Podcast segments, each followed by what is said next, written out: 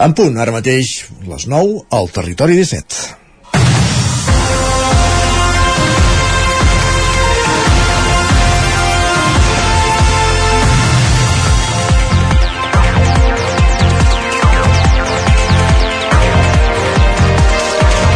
831 són les incidències greus que, segons el govern, va registrar l'any passat el Servei de Rodalies i Trens Regionals de Catalunya.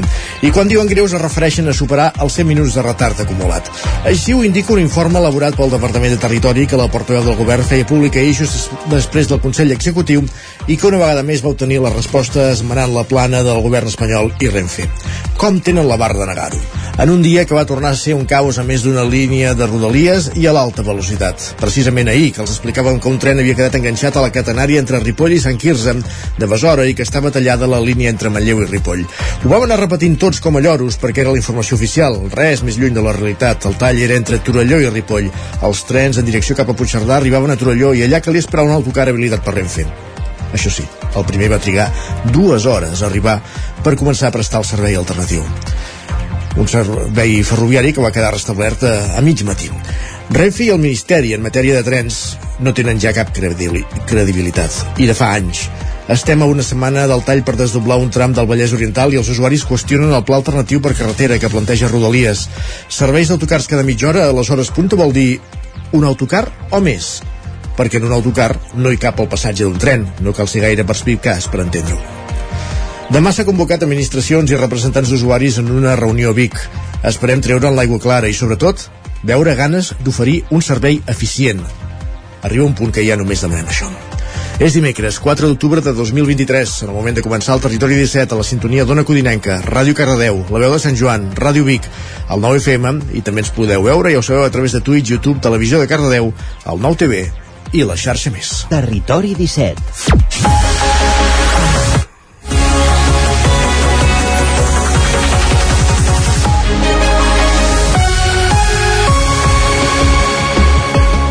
Dos minuts i escaig que passen de les 9 del matí en el moment de començar el territori 17, el magazín de les comarques del Vallès Oriental, l'Osona, el Ripollès, el Moianès i el Lluçanès, que us fa companyia cada matí durant dues hores des d'ara i fins al punt de les 11.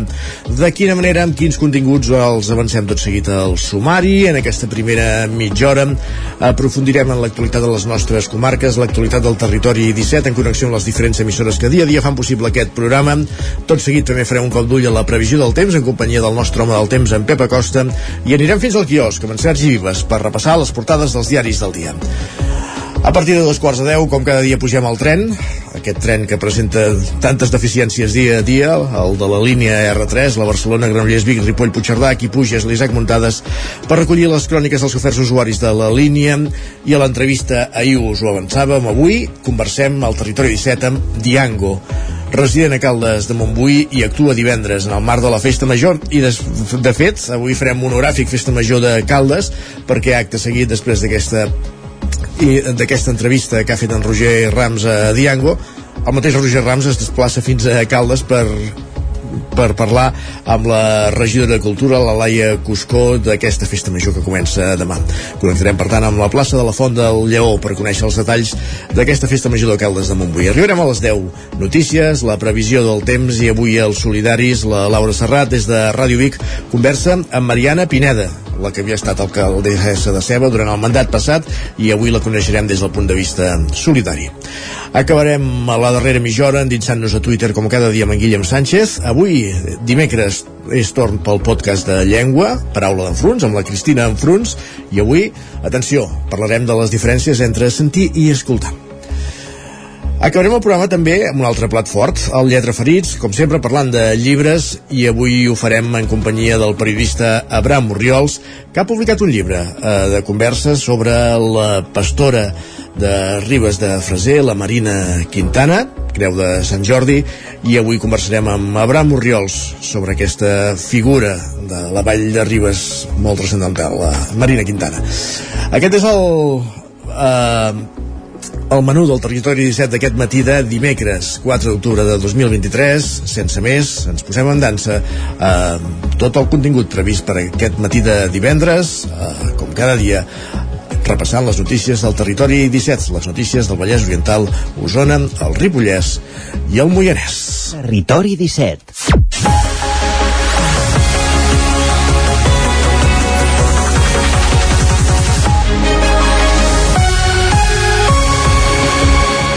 Com dèiem, la portada us ho avançàvem ahir, una incidència a la línia R3 de Rodalies entre Sant Quirze de Besora i Ripoll va provocar retards i malestar entre els usuaris ahir al matí. La circulació de convois es va tallar entre Torelló i Ripoll i es va establir un servei d'autobusos alternatiu, això sí, al cap de dues hores.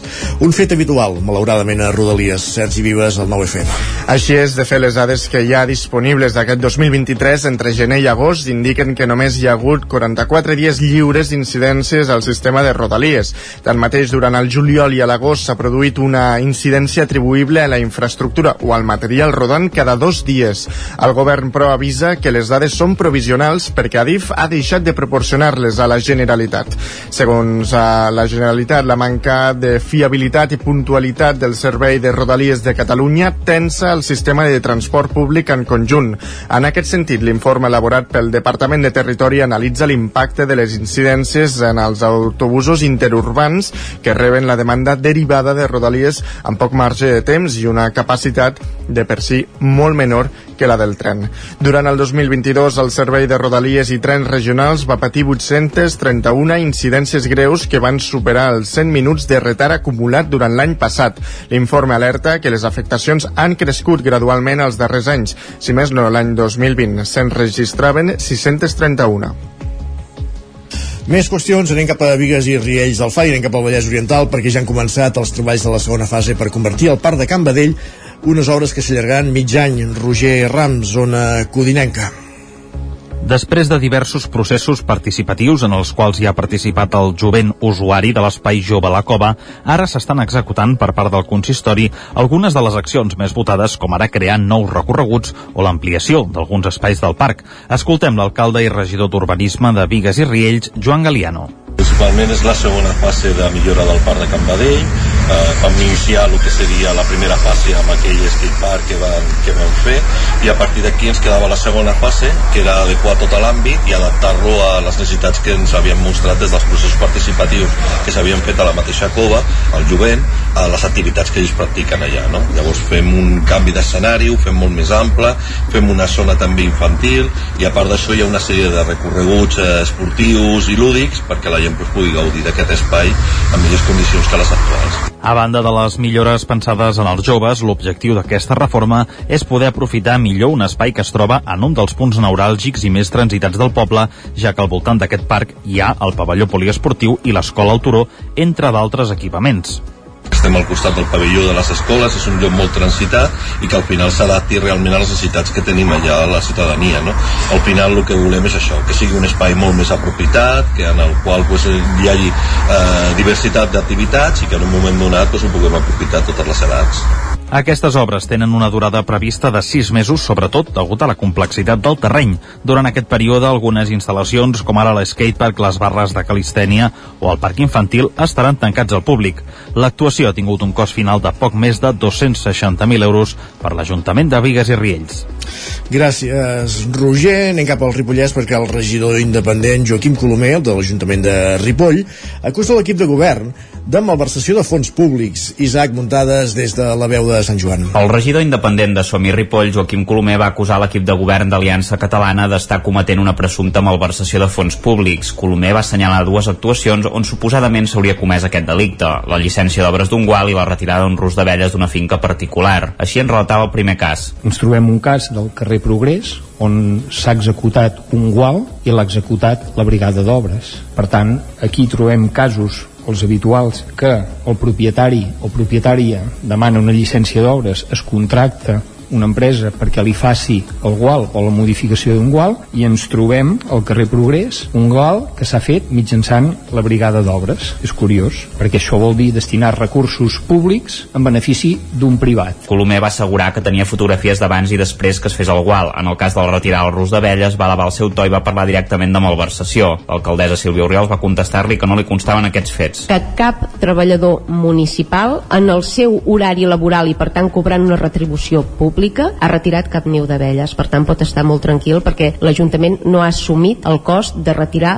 cap niu d'abelles. Gràcies. Ja li he dit que si us plau faci portar, eh, ens aporti tota la documentació, revisarem el cas, l'estudiarem i prendrem les mesures que creguem oportunes. Fins ara s'ha limitat a llançar falses acusacions, per tant primer volem proves i volem comprovar les dades que ens aporti. En tot cas, l'alcaldessa va apuntar que ho revisarien i prendrien les mesures oportunes si s'hagués realitzat aquesta acció sense el seu coneixement. L'agrupament escolta Collformic de Vic s'acomiada després de 10 anys. La falta de motivació, de relleu i de recursos que han arrossegat els últims anys han marcat el seu desenllaç, Sergi.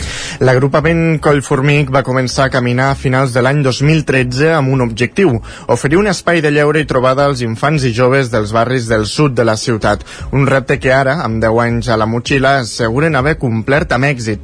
Arnau Dorca és un dels caps de l'agrupament. Ens hem passat molt bé, hem contribuït doncs, a, a poder a donar suport també a, a contribuir en el teixit associatiu del barri i això creiem que és molt important i ens sentim molt, molt realitzats per la tasca que hem fet. No obstant, sí que és veritat que, esclar, eh, eh, no deixa de ser un dia trist i que, evidentment, doncs, com a l'últim cau, doncs, eh, sap greu.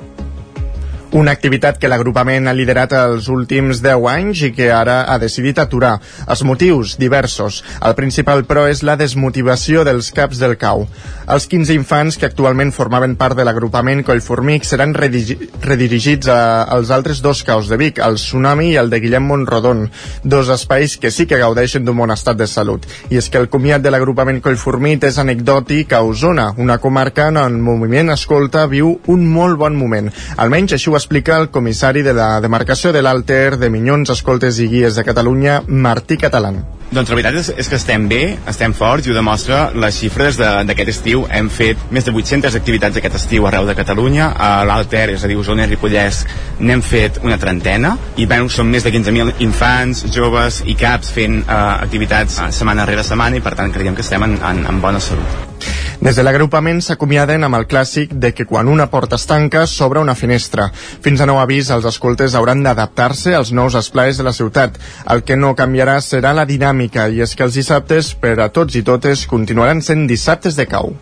La 29a Fira, 29a Fira Gastronòmica del Porc i la Cervesa de Manlleu va reformar aquest cap de setmana l'aposta pels productors locals i una oferta de qualitat. Centenars de persones van omplir la plaça per degustar les propostes que oferien les parades de restauració i també per veure les actuacions musicals i participar dels tallers. Saber fer, coneixement i voluntat de millora són les tres virtuts que, de, que defineixen els millors cansaladers del país i tres d'ells són de Manlleu de Can, de Can Cerilles, la cancel·leria Molist i, el Colom, i la de Colombila. Tots tres eren presents al cap de setmana a la, presa, a la plaça Fra Bernadí en el marc de la 29a Fira Gastronòmica del Porc i la Cervesa.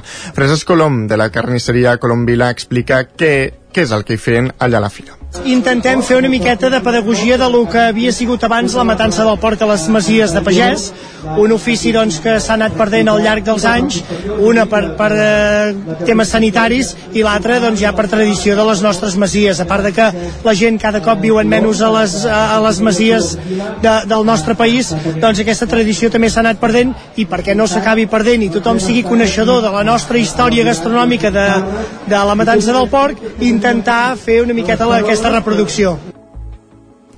I entre les parades també hi havia 11 de cerveses artesanes, com la manlleuenca, Convier o la Minera, de Sant Joan de les Abadeses, que va guanyar el concurs de cervesa artesana del cap de setmana amb una elaboració que han fet del, pel seu desè aniversari. Escoltem un dels seus membres, Jordi Mercè. A nosaltres ens agraden molt els estils clàssics i entre ells un estil clàssic que amb tot amant de la cervesa li agrada molt són les cerveses d'origen belga. Tenen cerveses tradicionals tipus com les de Badia, doncs això seria una cervesa més o menys d'aquest tipus, de les de ja una mica alta graduació, això estem a 9 graus i mig, una cervesa una mica torradeta, que s'engloba dintre de l'estil de Belgian Brun, i al final això està passat per unes fustes amb xips, i aquestes fustes estan aromatitzades amb un rom de 10 anys. Les xifres de públic local i també de fora de Manlleu en un cap de setmana en què el temps va acompanyar demostren que és una activitat més que consolidada. El repte de cara al futur, diuen els organitzadors, seria potenciar el binomi de festa i fira. Ara, però, ja comencen a pensar com celebrar l'any que ve la trentena edició i de la Fira del Porc i la Cervesa de Manlleu a la nit d'etapes del Mercat de Cardedeu. Enric Rubio, Ràdio Televisió Cardedeu.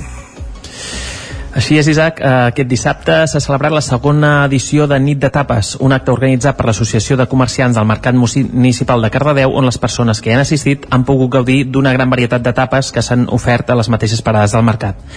Per fer-ho s'han hagut de comprar tiquets. Ens ho explica Sara Suárez, membre de la comissió organitzadora. Avui, 30 de setembre, celebrem la segona nit de tapes. La primera la vam celebrar l'any passat al desembre, quan el mercat feia els 40 anys per celebrar-ho. Aquesta vegada hem intentat millorar en tot allò que no va acabar de quadrar. Esperem que surti millor. L'èxit de la primera edició ha fet que enguany les entrades s'hagin exaurit. A més del bon menjar, tots els que han assistit a la nit de tapes han pogut viure un ambient animat a càrrec del DJ Macalaison. Gràcies, Enric. Més qüestions, un últim punt abans del temps. Joan Puig, santallenc, plasma en un còmic una crònica de la quarantena per la Covid i recull les vivències de la seva família durant el primer any de pandèmia que considera, de fet, una història universal, Sergi Vives. Confinament, contacte estret, aïllament, tests antígens, pocs es recorden de la pandèmia, encara menys dels primers mesos quan ens vam haver de tancar a casa per l'esclat de la Covid-19. Qui ho té ben present és Joan Puig More, alias Junior, que va plasmar-ho en un còmic. S'hi pot veure des de la sospita que un membre de la família pot tenir la malaltia, l'organització interna del grup, la falera per elaborar pastissos, al moment de poder sortir de casa per primer cop o l'aplicació de les normes i les seves contradiccions. Així ho explica. Doncs en el diari de quarantena hi ha des d'una crònica del que anava passant, a mesura que anava passant, tinc fins i tot dies concrets que havien començat un tancament específic, eh, els dies en què es va començar a aplicar tal norma o tal altra, i com això anava afectant i com reaccionava una família durant tot això, que era la meva família bàsicament, la mare, el pare, la filla gran i la filla petita. En aquest sentit, tot i que les quatre protagonistes del còmic són les dues filles, la mare i el pare, i l'escenari és entre elles, l'autor ho ha volgut desper despersonalitzar. Puig explica que el de la foscor d'aquell temps n'ha volgut treure la part positiva. Tenir les nenes a casa, que una tenia un any amb prou feines i l'altra anava pels quatre, ens va obligar a, a provar de fer una cosa una mica terapèutica, no? que tots ens ajudés i que ho positivitzéssim. Vam fer una mica, mm, no sé si es pot dir així, però la tàctica de la vida és vella. O sigui, endolcir una situació dura de per si i el còmic vaig intentar retratar això, la vessant més positiva, més animista, d'intentar sempre tirar endavant i amb un humor el més blanc possible. Aquest és el primer còmic que publica Joan Puig. N'ha fet de dos formats, un de curt, amb els millors moments, i un altre de més extens, amb totes les tires còmiques. Se l'ha autoeditat a través d'Amazon. Més d'aquesta plataforma, doncs, també es pot trobar a la llibreria Crític de Vic. La tàctica de la vida és bella, veritat. Ara mateix passen dos minuts i mig del punt d'un quart de 10 del matí. És moment de saludar el nostre home del temps, en Pep Acosta.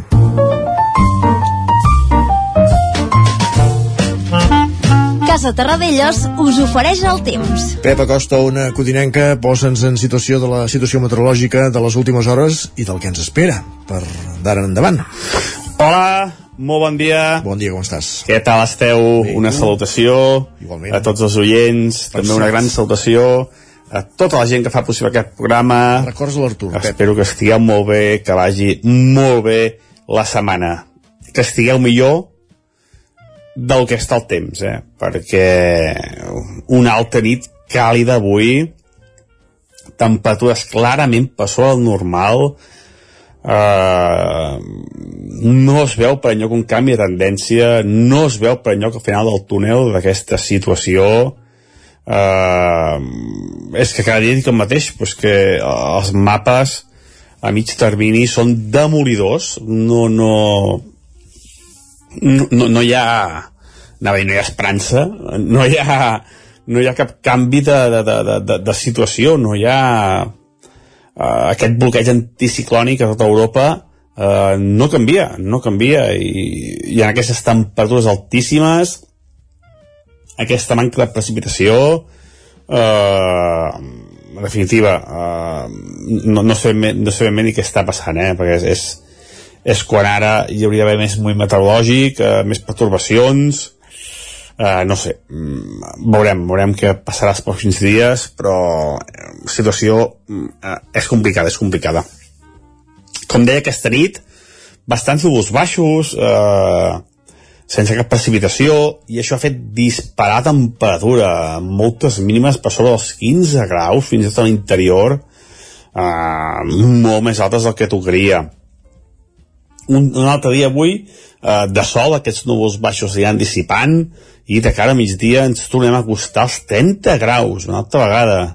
Uh, moltes, màximes, eh, moltes màximes entre els 25 i els 28 uh, molt altes, molt altes temperatures. Creixerà una nublada al Pirineu, en principi sense precipitació, havia de deixar pluja, els mapes deien que aquesta tarda plouria cap al Pirineu i al Pirineu, però al final s'ha anat desdibuixant, una vegada més, eh, i no es preveu ni una precipitació. Algun núvol, però ben poca cosa, si, si és que arriba a caure alguna gota, seran quatre gotes de tot anecdòtiques. I els pròxims dies, amb aquest panorama, mmm, mínimes eh, suaus i màximes altes. Calor al migdia, mànigues curtes al migdia. A disfrutar del dimecres, eh, i aviam, aviam si algun dia dic algunes novetats, perquè és que la situació és molt, molt compromesa i molt, Uh, molt estancada, està tot ja molt estancat. ja si Moltes gràcies, adeu. Va, parlem d'aquí una estona, ja si ho arregles, insisteixo. Va, anem cap al quiosc. Casa Tarradellas us ha ofert aquest espai. Territori 17. Envia'ns les teves notes de veu per WhatsApp al 646 079 023. 646 079 023. WhatsApp Territori 17.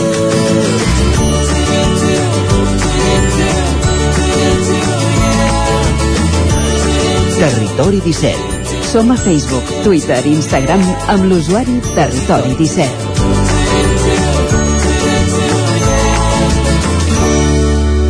8 minuts i mig i seran dos quarts de 10 del matí. Com passen les hores? Fa res, ens acabem de llevar, ja són dos quarts de 10. Sergi Vives, anem cap al quiosc. Què diuen avui les portades dels diaris? Doncs mira, Estic Rosalí és eh, protagonista també dels diaris. Com no? El punt avui encapçala així la, la portada diu un dia més a Rodalies expliquen que els retards en els serveis s'han doblat en els darrers 10 anys segons un informe de territori. Diuen que l'any passat es van superar les dues incidències diàries fins a una mitjana de 70 mensuals. Expliquen que el govern denuncia que Adif ja no els explica les avaries ni paga el transport alternatiu. També destaquen el renaixement de Ricard Guinó. Expliquen que una, una magna exposició a Perpinyà posa per fi al seu lloc l'obra de l'escultor català, deixeble de Maillol i, ex, i estret col·laborador de Renoir. Anem al periòdico. Sí. Diuen que Junts assumeix no cobrar l'amnistia per endavant. Expliquen que els postconvergents exigiran compensacions si la llei no està aprovada abans de la investidura. Diuen que Sánchez promet generositat després de rebre l'encàrrec del rei. Ja se saben què són aquestes promeses. Apoyaré! En fi, ja veurem.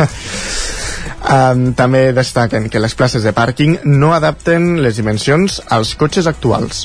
Això és ben cert. Uh, en fi Sí, depèn del pàrquing uh, no, clar, també, també no és pots veritat, obrir la porta també és veritat. que si el pàrquing de fot uh, 50 anys és normal, s'ha de repintar de nou els, els, els més nous ja sí que van contemplant. Altra cosa és que també qui té un cotxe de grans dimensions que amb prou feines cap a la plaça el posi tort i n'ocupi tres. Clar, que, aquesta és, aquesta és una altra. Sí que no tot és culpa dels pàrquings, clar. Què més? Anem a la Vanguardia, diu que Sánchez buscarà un gran pacte amb els seus aliats per a tota la legislatura. Expliquen que el rei argumenta l'encàrrec al líder socialista per la seva disposició a ser candidat, tot i que encara no disposa dels vots necessaris. I la Vanguardia doncs entrevista a Gavi, el migcampista del Futbol Club Barcelona, que és sincera a la seva primera entrevista llarga ja. i explica doncs, les seves il·lusions, les seves pors i el que porta pitjor. Ell diu que sempre serà del Barça i que pel club faria el que fos. Aviam. Uh, quan comencin a arribar ofertes, què passa? què, què és, quin és el seu pitjor malson? No, no, No, ah, això no, ho diu dintre l'entrevista. has de comprar la Vanguardia. Doncs Gavi avui a la Vanguardia. Més qüestions. Anem a l'ara, diu que Sánchez descarta el referèndum i aplana el terreny a l'amnistia. Expliquen que el PP fa valer la seva majoria al Senat contra la mesura de Gràcia i prepara més mobilitzacions. Diuen que les bases del Consell per la República votaran si Puigdemont ha de bloquejar o no la investidura. Per altra banda, diuen que l'atur baixa a Catalunya al setembre, però puja a Andalusia i a la resta de l'Estat. Uh -huh. Més qüestions. Anem Anem a repassar premsa espanyola. El país diu que Sánchez apela a la generositat però refusa un referèndum. Expliquen que el líder del PSOE s'obre a l'amnistia sense citar-la per superar el procés. Diuen que la Casa del Rei justifica en una nota l'encàrrec com a previsió constitucional. Per altra banda, diuen que la discoteca incendiada va obrir sense demanda, sense demanar llicència i va prometre reformes. Expliquen que la inspecció va visitar el local de Múrcia fa un any, però l'ordre de tancament no es va executar. És a dir, tu tens una... Evidentment que la responsabilitat és dels propietaris de la discoteca, eh? sens dubte, eh? estem parlant del cas de Múrcia, però tu tens una discoteca eh, en funcionament, és dir, és una cosa que no passa pas desapercebuda. No, no, i l'Ajuntament deia que no ho sabien, que... est- Bueno, Ah, en fi, en fi doncs va. també... Sí. Més qüestions, va. L'ABC diu que Sánchez justifica l'amnistia per la seva generositat i lideratge i demana un pacte de legislatura.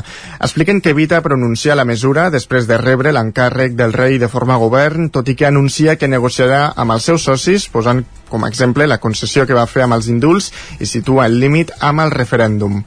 I acabem amb el Mundo, que diu que Sánchez carrega sobre el president del Tribunal Constitucional l'amnistia de Puigdemont. Expliquen que el líder socialista rep l'encàrrec del rei per aconseguir la investidura i s'asseurà a negociar-la amb Junts i Bildu. Diuen que busca legitimitar els seus pactes amb el Tribunal Constitucional al senyalar que s'haurà de pronunciar sobre aquests. Doncs són titulars que recollim a la premsa del dia, la premsa en paper. Hem anat al quiosc amb Sergi Vives abans, però mm, de marxar repassem quins són els titulars dels digitals d'avui a l'edició del 9-9 d'Osona i el Ripollès. Doncs ens trobem una entrevista al manlleuenc Héctor Black, que és concursant d'Eufòria, que encara doncs, la seva carrera en solitari. Va ser concursant de fora en aquesta última edició, tot i que, va quedar eliminat als primers, sí. a les primeres participacions. I a l'edició del Vallès Oriental. Doncs ens expliquen que desmantellen una plantació de marihuana en una construcció il·legal a una finca de Santa Eulàlia. Santa Eulàlia de Ronçana, en aquest cas. Gràcies, Sergi. A tu.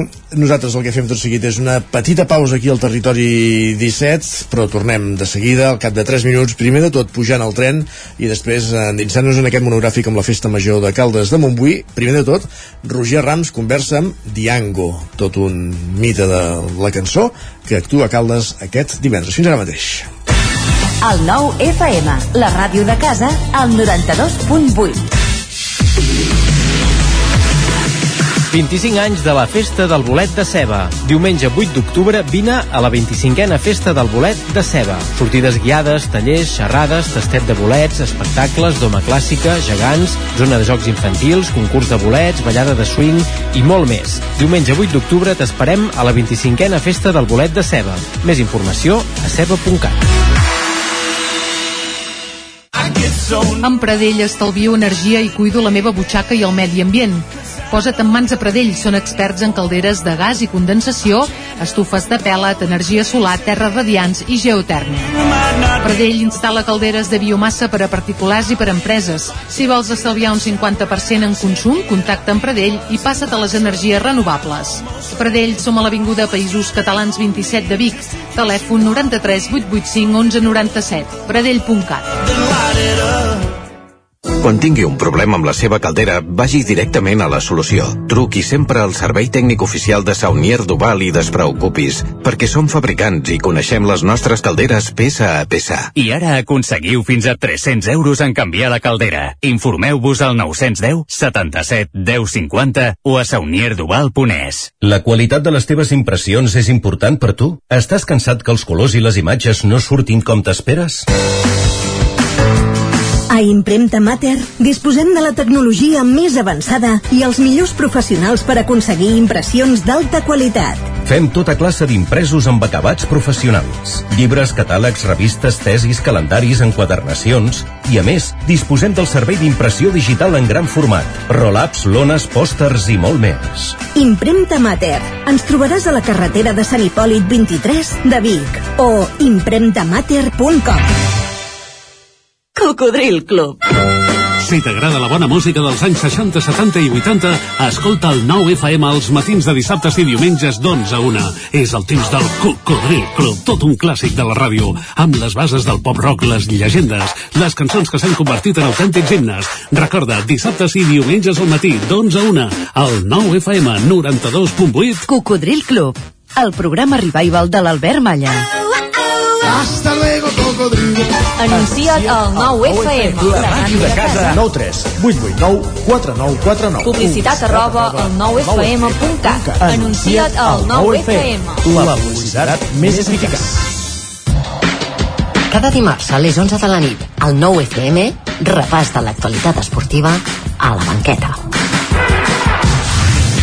El 9 FM, el 9 FM, el 9 FM, el 9 FM. Territori 17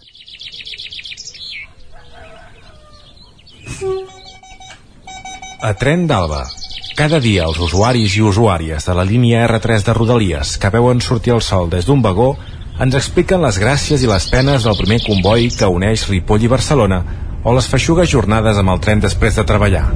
Benvinguts a Tren d'Alba. Aquesta setmana està sent un desastre a Rodalies. Ahir ja sabeu que vàrem tenir un caos espectacular. Va haver-hi una doble avaria en diferents punts de la xarxa ferroviària que van afectar les línies R3, R2 i R11. A l'R3 els hi va tocar pringar i abans de les 6 del matí un tren es va quedar aturat entre Ripoll i Sant Quirze de Besora a causa d'una avaria en el sistema d'electrificació. El pantògraf es va enganxar amb la catenària. El tren anava en direcció a Barcelona i només duia 10 passatgers. Fins al cap d'una hora i 20 minuts no va poder reprendre la marxa i fins passades les 11 del matí no es va poder recuperar el pas pel tram tallat i en paral·lel Adif va informar que els trens de l'R2 i l'R11 circulaven amb retards de 15 minuts per una incidència amb la infraestructura per una falta d'alimentació elèctrica entre Montcada i Reixac i la bifurcació de Sagrera. Un drama. En Jordi Valls ens fa una mica la crònica negra de la setmana. Bon dia, sóc en Jordi. Que empiecen los Juegos del Hambre, deien en una pel·lícula. Sí, realment, a començament d'aquesta setmana, entre un tren espatllat que enganxava un pantògraf, em sembla, i es cremava per alguna cosa per allà parets, entre les 7 del matí avaria a Art de Triomf i Catalunya, a la tarda, això dilluns, a Hospitalet, dimarts al matí enganxada de nou per sobre de, per sobre de Vic. Ostres, tu, ja veuràs, com funcionin bé els autobusos, no voldrem tornar al tren. És que de veritat, eh, ens ho fan fàcil perquè sembla que sigui l'adaptació de les escoles Bressol, que poquet a poquet i tal, doncs ens estan adaptant perquè vulguem agafar autobusos. No sé, una mica... I, i va sumant, eh? La setmana va sumant perquè realment fins i tot les línies d'alta velocitat. Aquesta setmana està sent un petit desastre i aquest cop sembla que els de DIF van guanyant la palma a Renfe. És una competició entre dues empreses del Ministerio. No sé, s'haurien de fer mirar o potser des d'Europa eh, fer algun tipus d'auditoria sobre la seguretat de les infraestructures ferroviàries, perquè si ens hem de refiar dels d'aquí, malament anem. Va, vinga, molts ànims, que encara queden dies. Adéu-siau. Ara només ens falta saber què coi passarà demà, perquè cada dia toca, si no és un xiulet, una pilota. Va, ens retrobem demà amb més històries del tren i de l'R3. Territori 17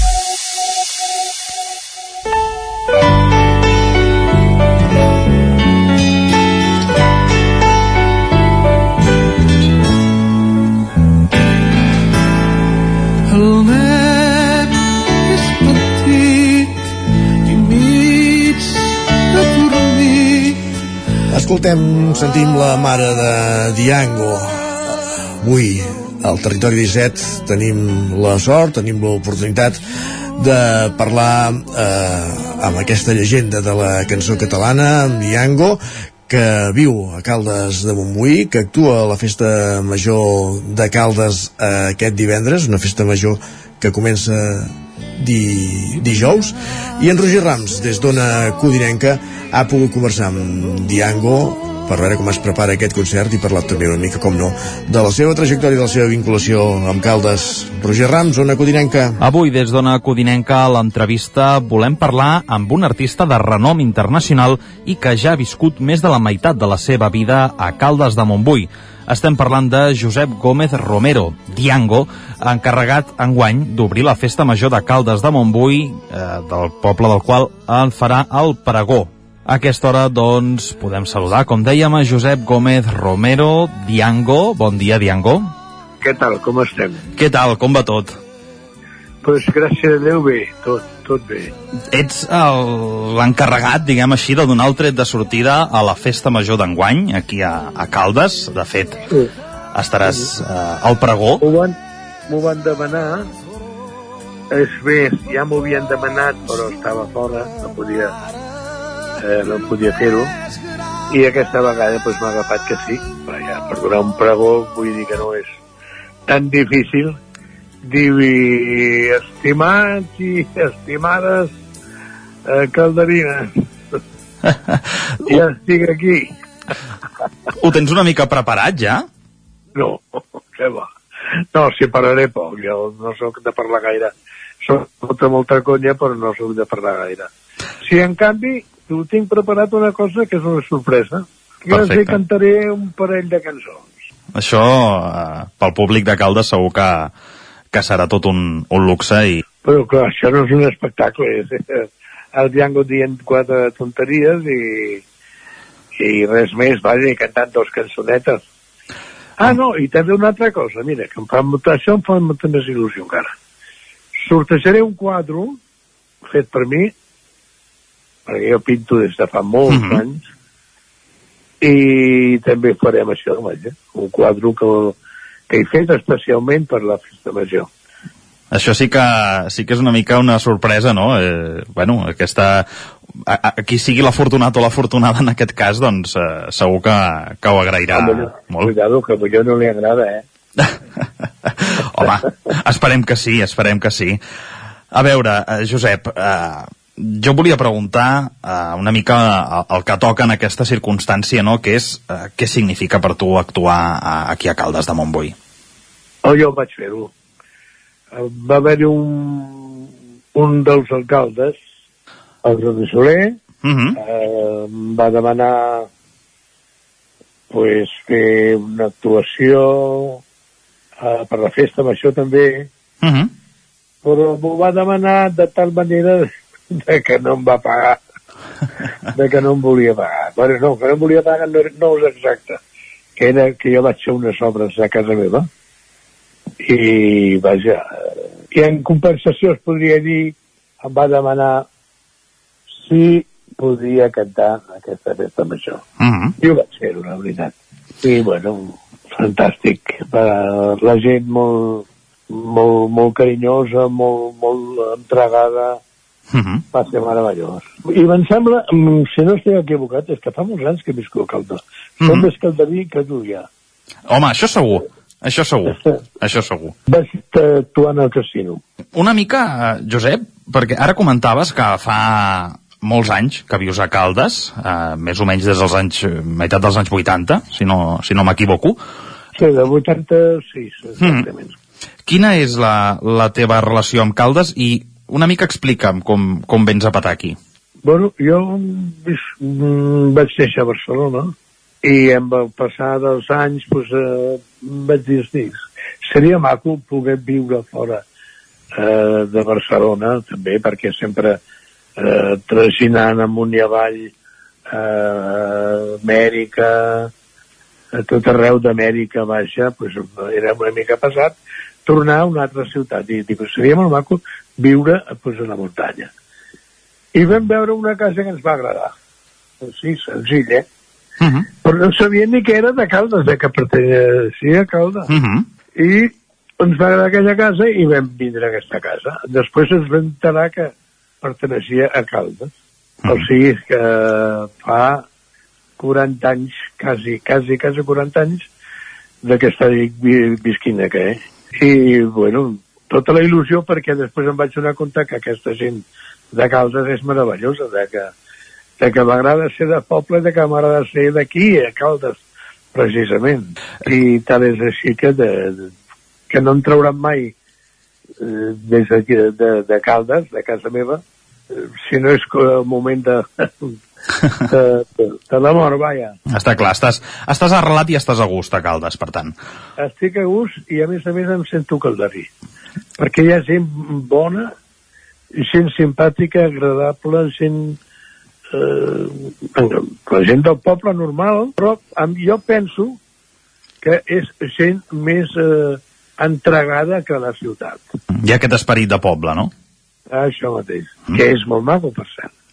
Uh, ara recuperant una mica uh, la carrera musical, Josep, uh, per on passa ara mateix uh, aquesta carrera musical? En quin moment es troba? Bueno, jo tinc 83 anys, imagina't, encara que no ho sembla, i, i encara no he parat de treballar, segueixo treballant, i fins que Déu vulgui seguiré treballant. Eh, lògicament cada vegada em canso més, però vull dir que no, no he deixat mai de treballar i sempre per Amèrica, eh? No m'agrada treballar gaire per Espanya. Per tant, eh, et sents més, eh, diguem-ho així, còmode treballant allà. molt més home. eh, allà pues, realment la gent adora el Diango a tots els països des dels Estats Units a l'Argentina crec que realment he fet una carrera però l'he feta molt forta eh, per tota Amèrica Què, què té el fenomen Diango que, que ha enganxat, com deies, tant els americans? pues que jo crec que són molt romàntics i que els agrada la música de, de, de fa anys, o sigui, encara que el reggaeton ha sortit d'allà i les eh, tendències per ballar i per moure un culet són d'allà, eh, hi ha molta gent, moltíssima més gent que li agrada la música eh, pues, eh, romàntica, la, el que és la melodia, vaja. Aquí podríem dir que estem per altres coses? Uf, no sé, jo crec que la veritat que hi, hi treballat molt aquí també, a, a tot l'estat, a Catalunya i tal, però no, no és el mateix. No és el... Per mi no, no, no ha sigut mai la, la, la mateixa reacció del públic, eh, per exemple, argentí, xilè, eh, mexicà, eh, que, que un, un públic de- de- d'aquí de, de l'estat, vaja. Ah, L'any 1969 eh, vas editar el teu primer disc, Diango, amb el que, per cert, vas guanyar el disc d'or a, a l'Argentina. Ara parlàvem de- d'Amèrica. Des de l'any 69 fins, a, fins ara, fins al 2023, eh, com has viscut la teva carrera, Josep? pues, sobretot estimant la música, no? Perquè jo sóc músic de professió, vaig estudiar al conservatori i vaig estudiar el violí, la trompeta, el solfeig, tot el que sé que estudiar i vaig eh, acabar les, les carreres i després el que menys vaig, vaig fer és fer de músic, sinó que en seguida vaig començar a cantar i el que ho feia millor.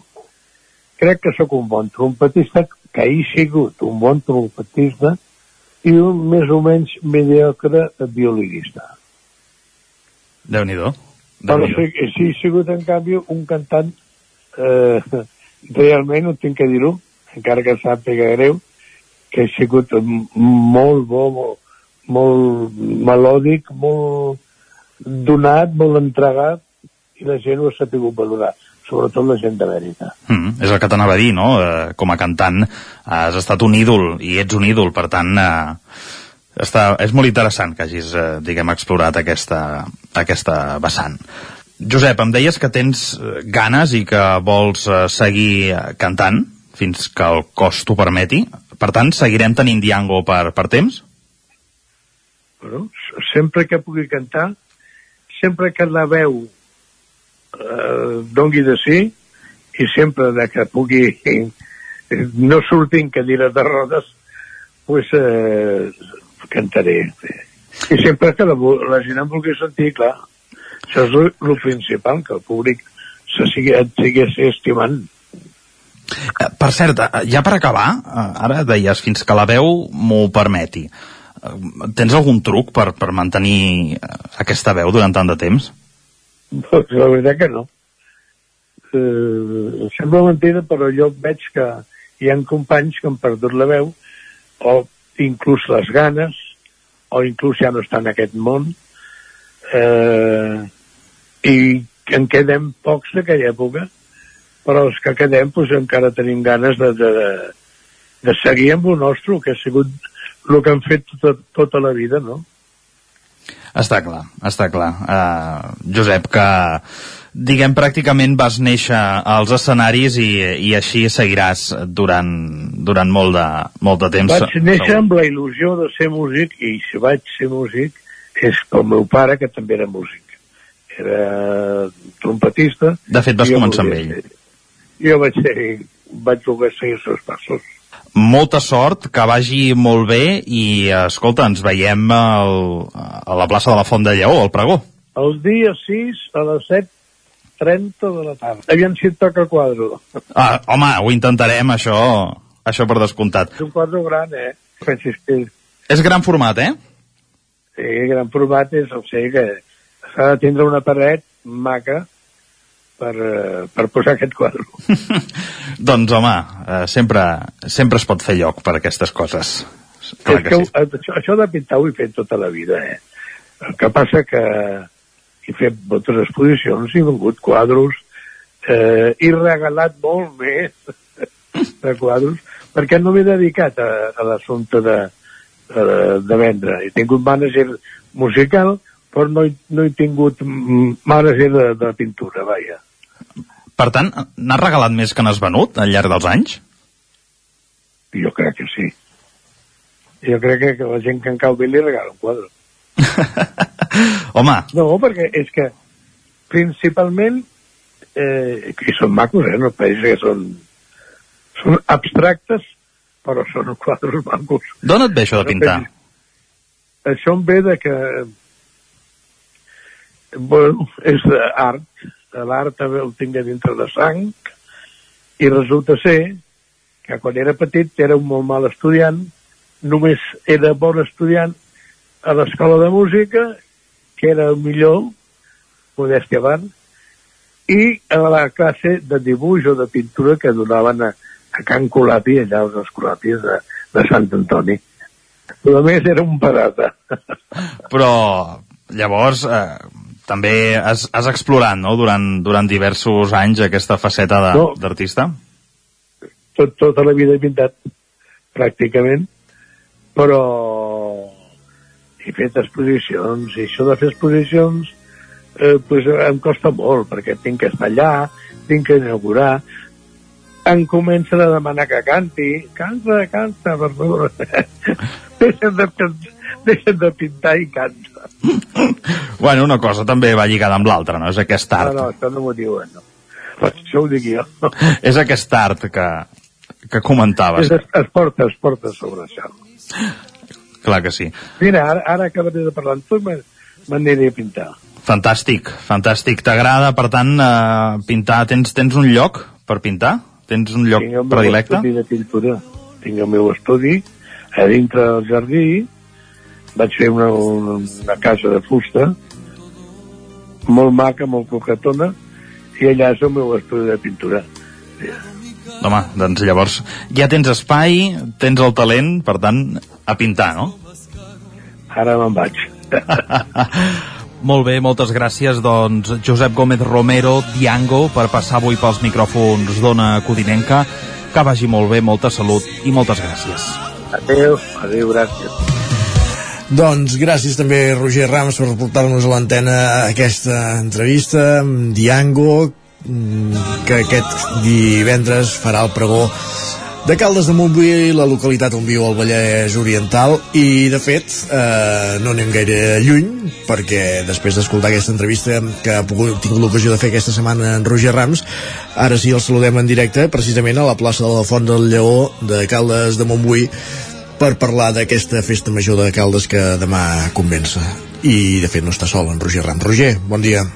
Bon dia, què tal, com esteu? Bé, i tu? Uh, bé, molt bé, home, després d'aquesta entrevista de luxe que hem fet amb el Diango, uh, vull dir, tot, tot va amunt, no? Uh, Tot, tot, tot va rodat, i tant.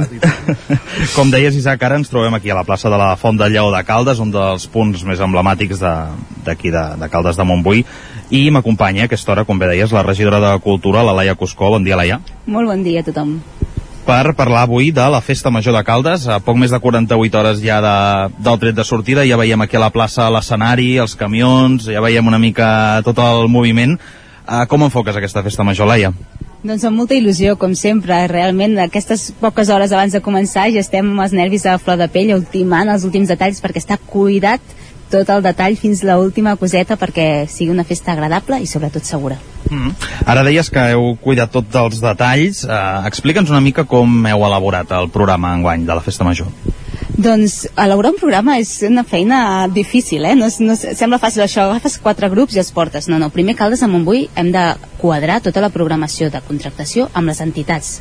Aquí sempre tenim eh, moltes entitats de cultura popular i d'esportives i d'associacions que volen fer la seva activitat. Per tant, primer fem aquesta crida de quines activitats volen fer i després encaixem la resta de, de concerts i de- d'espectacles. De, um, què es té en compte? Doncs que realment arribi a tots els públics, que hi hagi un respecte en les seves lletres, que hi hagi uns valors en l'espectacle, que hi hagi aquesta moralina, que darrere doncs, hi hagi mm, una miqueta de, de, de sentit, que no només sigui concert per concert, que no només siguin caps de cartell perquè sí, sinó que hi hagi alguna cosa més, que ens expliquin més coses. I aquest any hem volgut doncs, treballar molt aquest feminisme, aquesta, aquesta força empoderadora de la, de la dona dalt de l'escenari i portem grups femenins molt canyeros.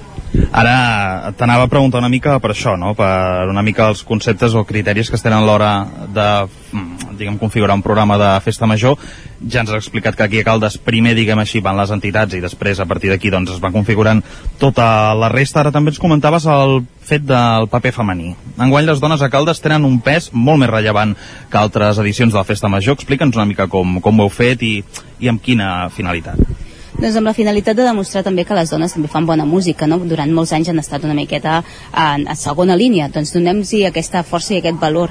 Balkan Paradise, per exemple, de, de divendres al vespre, 12 dones tocant ben metall dalt d'escenari, amb bona música, música balcànica, musicassos. Aleshores, val la pena escoltar aquest, aquest concert. Roba estesa, s'obren paraules amb la seva trajectòria professional i l'escaramba de diumenge, per exemple, amb, aquesta, amb aquell llatin jazz que, que combina una miqueta la, la, la cultura, la interculturalitat musical, és molt interessant.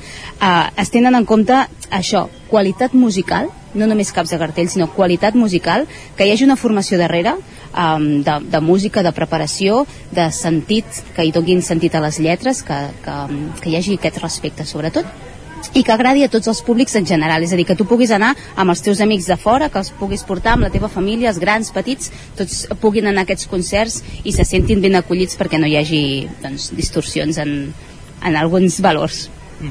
Ens apuntaves també que un dels objectius d'aquesta festa major, en general de totes, però aquesta potser una mica més, eh, ara ens explica si és perquè sortim d'una pandèmia o perquè li heu volgut donar aquest enfoc, però sobretot la cultura popular.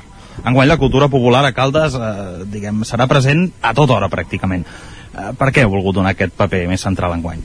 De fet, per, per, bueno, per naturalesa, és a, és a dir, aquest any els Diables fan 30 anys, la colla infantil de Diables fa 10 anys, els gegants en fan 30 també, per tant, els hi toca tenir aquest punt de protagonisme sempre a Caldes, sempre són el centre, és a dir, cada any el, el cartell de Festa Major està protagonitzat per la cultura popular, però enguany toca eh, que encara tinguin més aquest valor. Diables faran tres correfocs, normalment fan l'adult, l'infantil i a la Cap Buitada enguany en tindrem un d'innovador en els corredossos, per tant se'ls ha de donar protagonisme.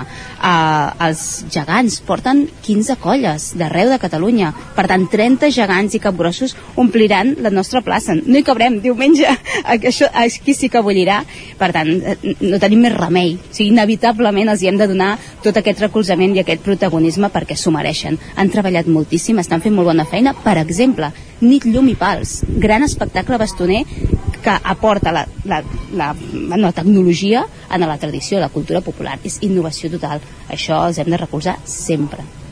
De seguida anem amb la capuitada per tancar l'entrevista, però abans et volia fer menció del cartell.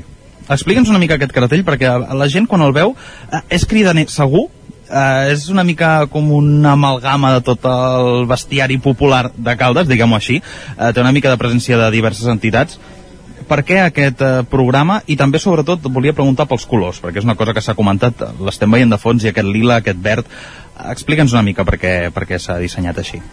Doncs primer que tot el que crida l'atenció és aquesta figura amb tota la indumentària de, de tradicional de la cultura popular en una sola figura perquè ens agrada donar aquesta imatge d'unió. La cultura ens uneix i entre tots fem la festa major. Per tant, és cosa de tots que units fem aquesta gran festa. I després els colors. Uh, jo sempre busco aquest rerefons en les coses, no? Doncs vaig voler triar el color aquest verd perquè el verd parla d'esperança. De, I quan hem vist aquest estiu que ha, que ha passat en totes les festes majors, doncs jo tinc una miqueta l'esperança de que aquesta nostra torni a ser una miqueta, bueno, que porti pau, que porti tranquil·litat, que sigui més segura. I a part, el verd doncs dona frescor. Fem la festa major en un parc, per tant, el verd de, del, del nostre parc i el lila, el lila eh, feminisme eh, és el que aporta i també vaig llegir que era el color de la memòria i aquest any les dues eh, exposicions que tenim doncs són de memòria his- històrica, per tant tot té una miqueta de, de relat. Ara de seguida acabem amb la capuitada, abans fer-te menció, ara comentaves no, el tema de, de la pau, de la tranquil·litat, d'una festa segura i tranquil·la. Uh, clar, venim d'uns esdeveniments a pobles del voltant, per exemple, Sant Feliu de Codines, on van veure fets lamentables durant la festa major, a més durant diverses nits, per tant, eh, una cosa que, que s'ha de tenir en compte. Enguany aquí Caldes heu ampliat la presència del punt lila, tant de llocs com també d'horaris. Explica'ns una mica si ja ho teníeu previst o si heu actuat en base a el que s'ha vist als pobles del voltant i amb aquesta voluntat de fer de la festa major de Caldes una festa de pau. Doncs ja ho teníem previst, la veritat sigui aquesta, però en, a, aquests fets ens han donat la seguretat de que anàvem en, bona, en bon camí. Teníem previst de que, de que, no, no, bueno, de que sigui un espai tranquil, un espai, espai, lliu, espai lliure de violències i de, de tots tipus, i, i per això l'obsessió de que hi hagi presència policial, presència de Polila, el somnit de Creu Roja i, i també una miqueta de formació de la gent de les barraques amb, amb el protocol antiviolències eh, LGTBI-fòbiques. És una cosa que sens dubte doncs s'ha de, no? crec que s'ha d'intentar eh, posar-hi molt la banya perquè precisament això no, no es produeixin i no haguem de lamentar fets eh, el dia 16 quan acabi tot plegat no?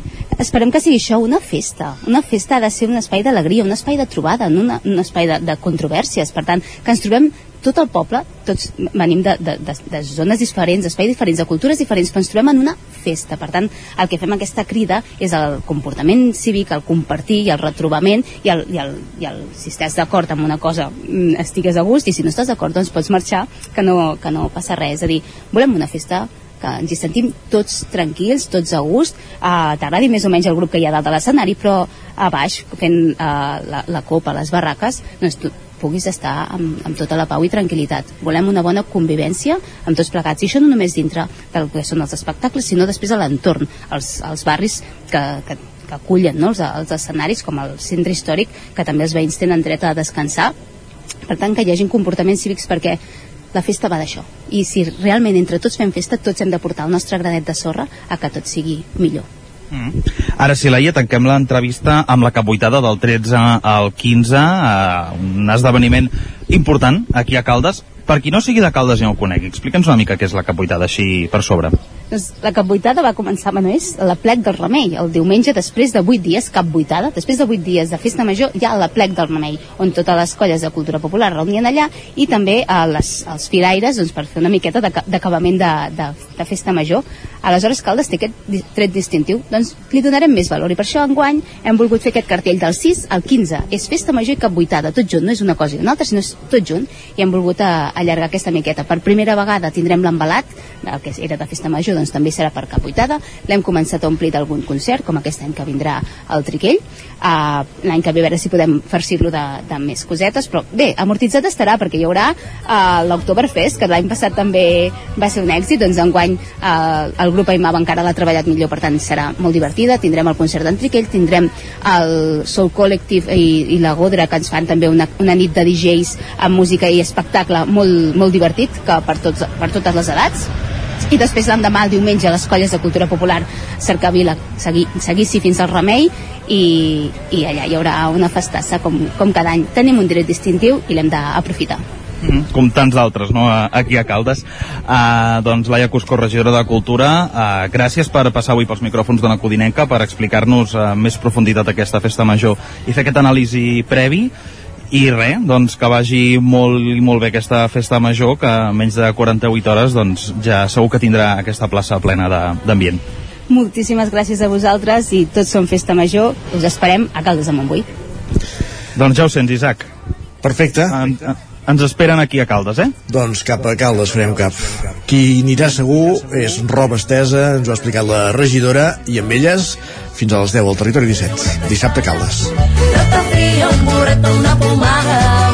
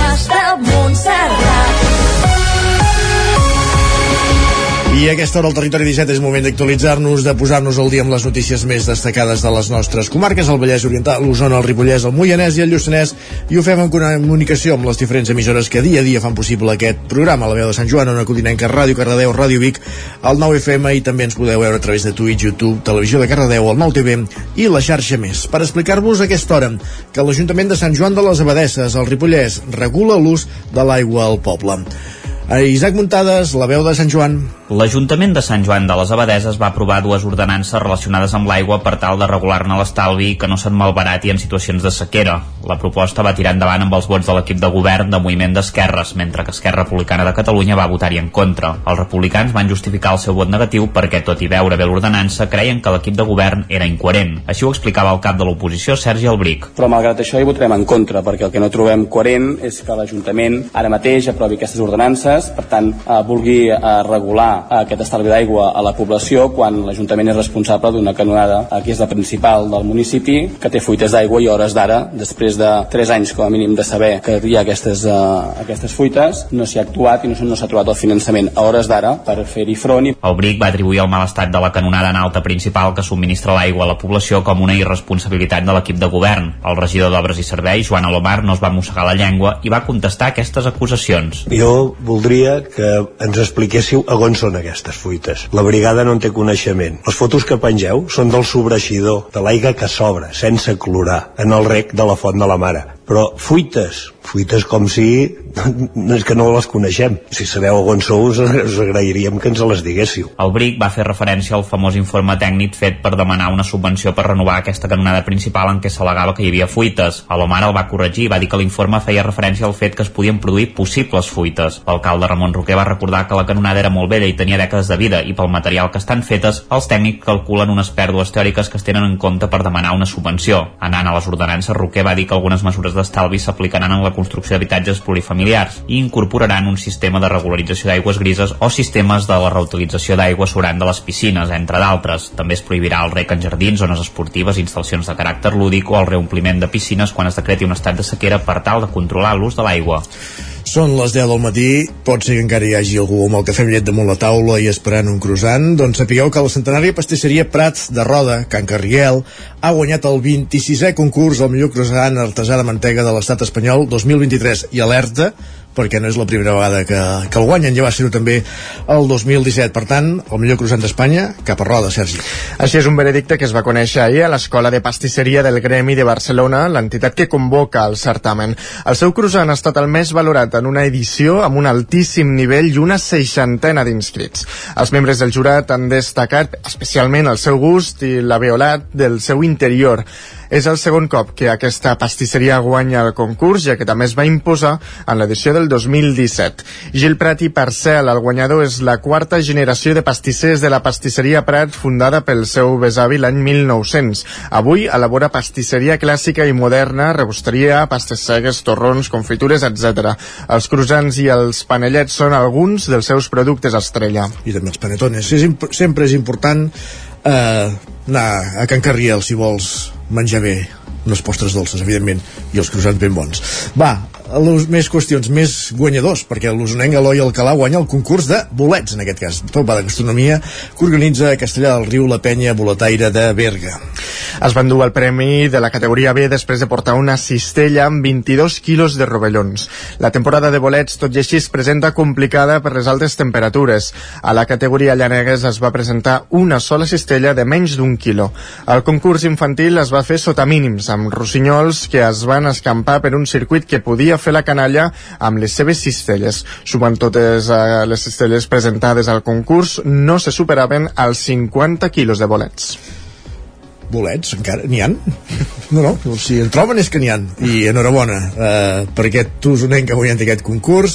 Anem cap al Vallès Oriental perquè el projecte Bell and Friends que va néixer fa 5 anys a Formentera amb la idea de donar-li vida als animals, fa dos anys que té també la seva delegació a Cardedeu i ho han volgut celebrar amb tot el poble. Enric Rubio, Ràdio Televisió Cardedeu.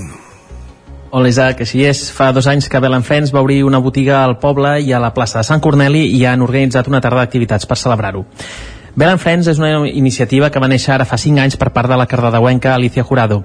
Sent ella mateixa propietària i amant dels animals, va decidir obrir una botiga d'alimentació saludable per les mascotes. I el dissabte, el dissabte 30 de setembre, commemorant els dos anys d'obertura de la botiga física, s'ha celebrat el Bella Fest. Alicia té una gossa i un gat amb patologies i volia proporcionar-los una dieta saludable i que alhora el projecte tingués una part solidària. Ella mateixa ens ho explica. Bueno, la idea és que sigui un referent d'alimentació d'una cadena no? o una idea de- d'alimentació propera a tots els gossos de Catalunya i a nivell doncs, eh, nacional si pogués ser doncs, eh, també més gran, cada cop més gran millor començarem per poquet a poquet però, però sí, la idea està en anar creixent i que ens puguin trobar en els majors llocs possibles de, de, de Catalunya sobretot Durant la jornada s'ha comptat amb la presència de la veterinària integrativa Vivian Termes, diverses parades on comprar productes naturals per a les mascotes i una xerrada a càrrec del naturòpata José María Sánchez. El projecte Bell and Friends també té una vessant solidària i és que en cada pack d'aliments venut es destina un euro a diverses protectores de la zona. Perfectíssim, gràcies Enric. Eh, anem cap al Moianès, avui que tenim en Roger Rams que volta com una baldufa, ha començat entrevistant en Diango, que seguit a la plaça del Lleó de Caldes, i ara se'n va cap a Castellterçol perquè eh, un any més, en aquest poble del Moianès, aquest dissabte s'hi viurà l'Octoberfest, que arriba enguany a la seva quinzena edició. Com dèiem, Roger Rams, zona codinenca. La cita serà aquest proper dissabte 7 d'octubre i com en les anteriors edicions anirà a càrrec de la colla de Diables de Castellterçol. A banda de les clàssiques salsitxes, patates i cervesa, enguany s'ha volgut donar un to familiar a la festa amb tallers infantils que es faran durant tota la tarda, tal i com explica un dels organitzadors de l'Octoberfest i membre dels Diables de Castellterçol, Jacob Valle. I aquest any fem més o menys com l'any passat, tenim tres cerveses, eh, tenim una torrada, una IPA i una, una lager, més semblant a una estrella o, o similar. Fa anys que ja organitzem el, el tema de la cervesa de l'Octoberfest. A Vermut aviam tindrem patates, frankfurts eh, i bueno, el tema de, de picant, de brackfurts i etc. A la tarda farem jocs infantils, eh, tema de porteries, de jocs de pilota, pintar cares, i a la nit farem una miqueta més jocs adults, eh, sobretot de beure, En aquesta ja tradicional cita de Castellterçol, l'any passat s'hi van vendre, atenció, més de 500 salsitxes i 500 litres de cervesa. recuperarem el, el Frankfurt Metro litro de cervesa, el concurs, recuperarem una miqueta de jocs antics eh, i tradicionals que fèiem abans. Doncs anem entre Frankfurt, Brackfurt i picants, jo que crec que arribem als 500, 600... Eh, I llavors de cervesa l'any passat vam fer uns eh, 15 barrils de 30 litros entre les tres cerveses que tenim. L'objectiu de tot plegat és recaptar diners per la colla de Diables de Castellterçol per tal de poder comprar el material necessari per poder fer les actuacions previstes durant la temporada. Gràcies, que Castellterçol no, gràcies Roger Rams, la baldufa del Moianès i el Vallès Oriental, la baldufa del territori 17, voltant com una baldufa, com dèiem.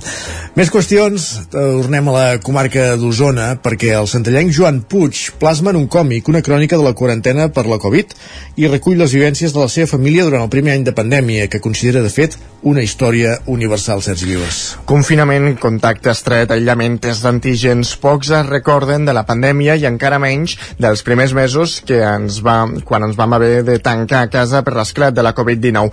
Qui ho té ben present és Joan Puig Moré, a les Júnior, que va plasmar-ho en un còmic. S'hi pot veure des de la sospita que un membre de la família pot tenir la malaltia, l'organització interna del grup, la falera per elaborar pastissos, el moment de poder sortir de casa per primer cop o l'aplicació de les normes i les seves contradiccions. Així ho explica.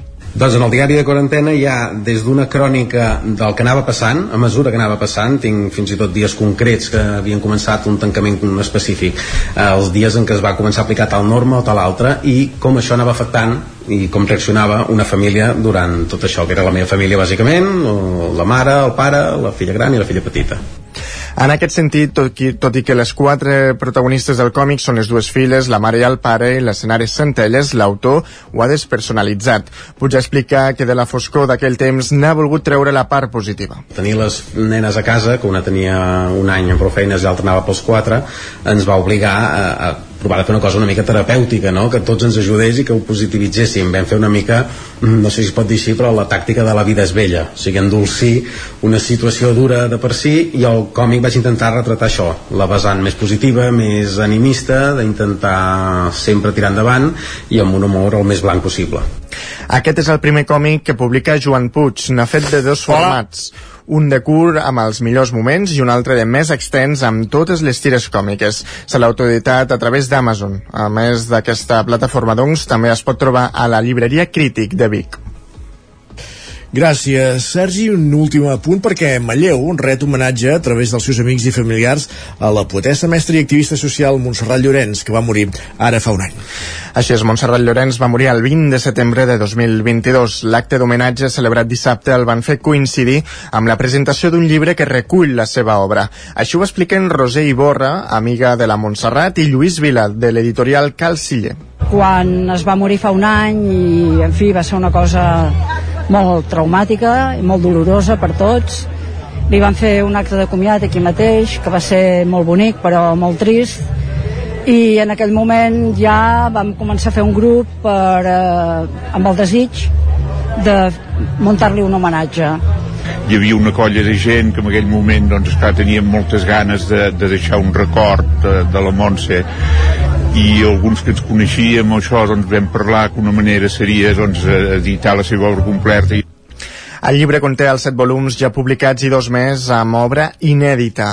Abans de l'acte també es va projectar un curtmetratge al Museu del Ter sobre l'obra de Llorenç, a iniciativa del col·lectiu Dones que cremen romaní, que també van actuar a l'embarcador. Un homenatge a una dona molt estimada a la ciutat, un fet que demostrava l'assistència d'un nombrós públic. Gràcies, Sergi. Ara sí que acabem aquí aquest repàs informatiu que començàvem al punt de les 10 en companyia de Sergi Vives, Isaac Muntades, Roger Rams i Enric Rubio. És moment al territori 17 de saludar de nou també el nostre home del temps, en Pep Acosta.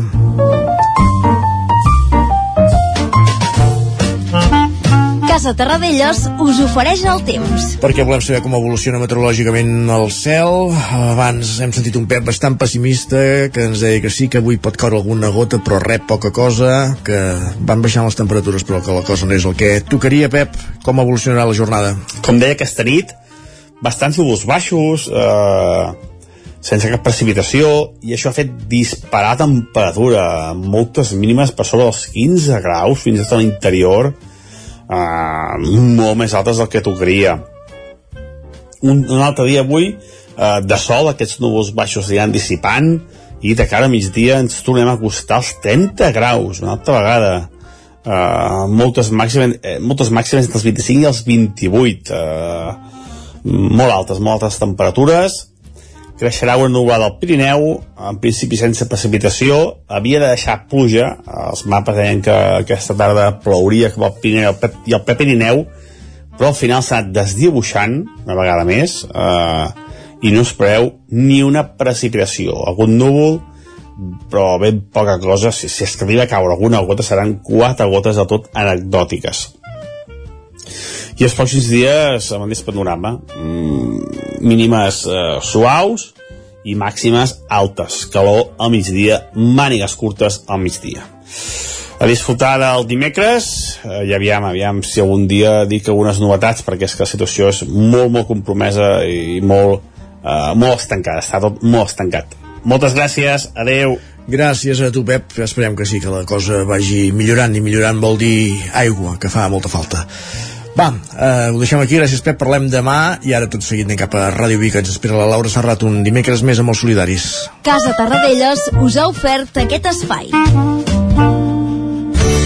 Territori 17. Envia'ns les teves notes de veu per WhatsApp al 646 079 023. 646 079 023. WhatsApp Territori 17.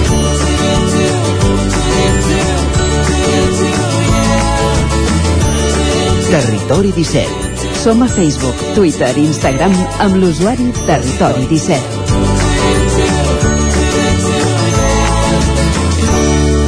30 segons, mig minut, perquè siguin dos quarts d'onze del matí.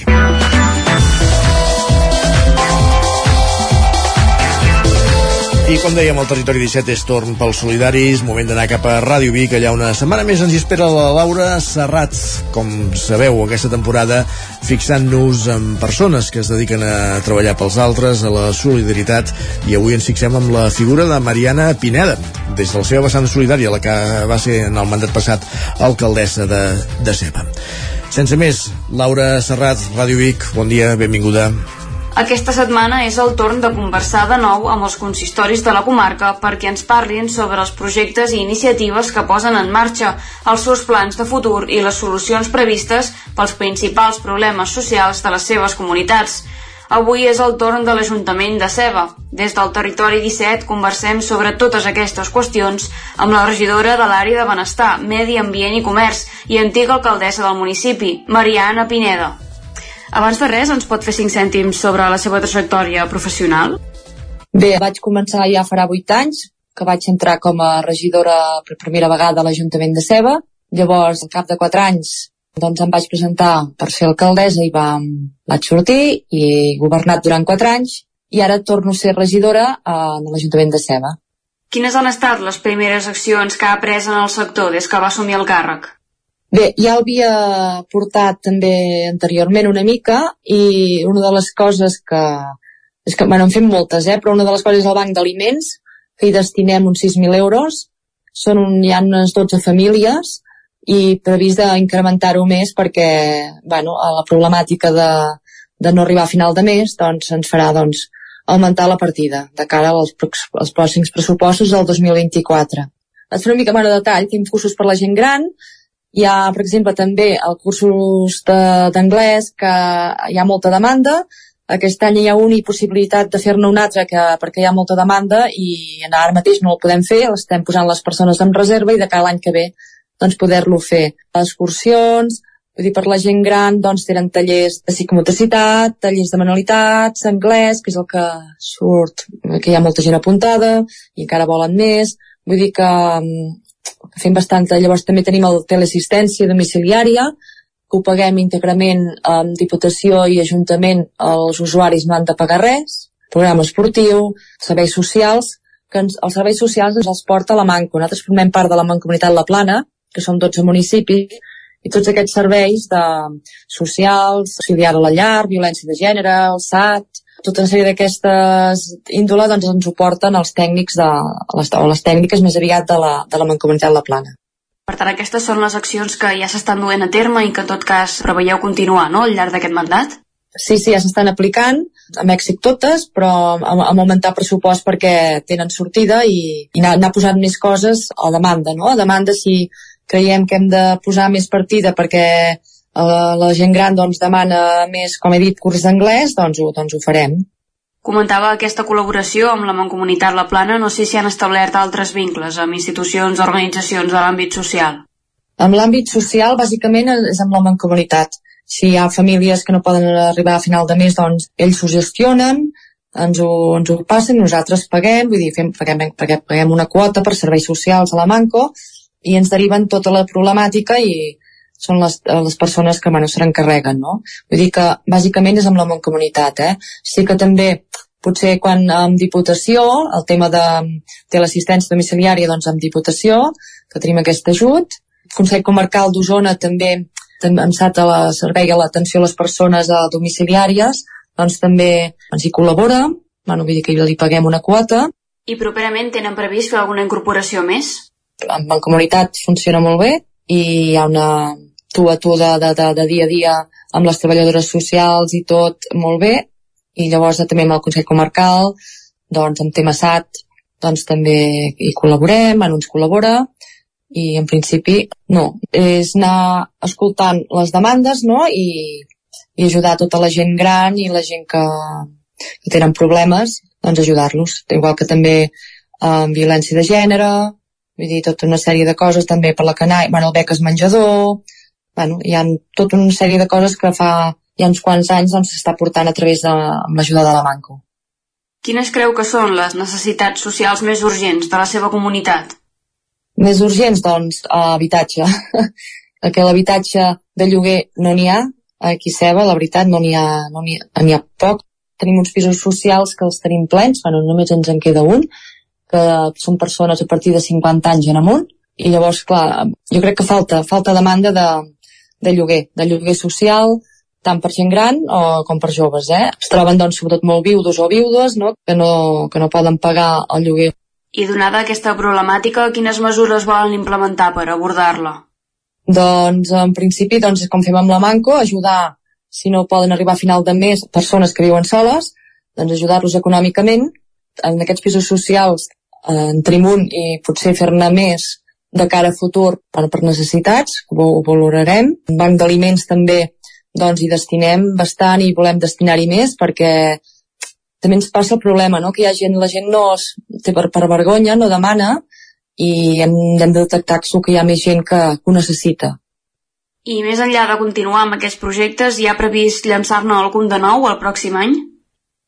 No, ara mateix no. També fa poc que, que hem començat, no? Ara, amb pressupostos, ara que els haurem de fer ara a l'octubre, els comencem a preparar a novembre, potser entre tots ens surt alguna cosa a fer o millorar o, o proposar, no? Però en principi les iniciatives que fa quant temps que es porten funcionen i és, és dotar de més quantitat econòmica per, per arribar a més gent. Quins reptes ha trobat fins ara en aquesta gestió del sector social i com els ha abordat?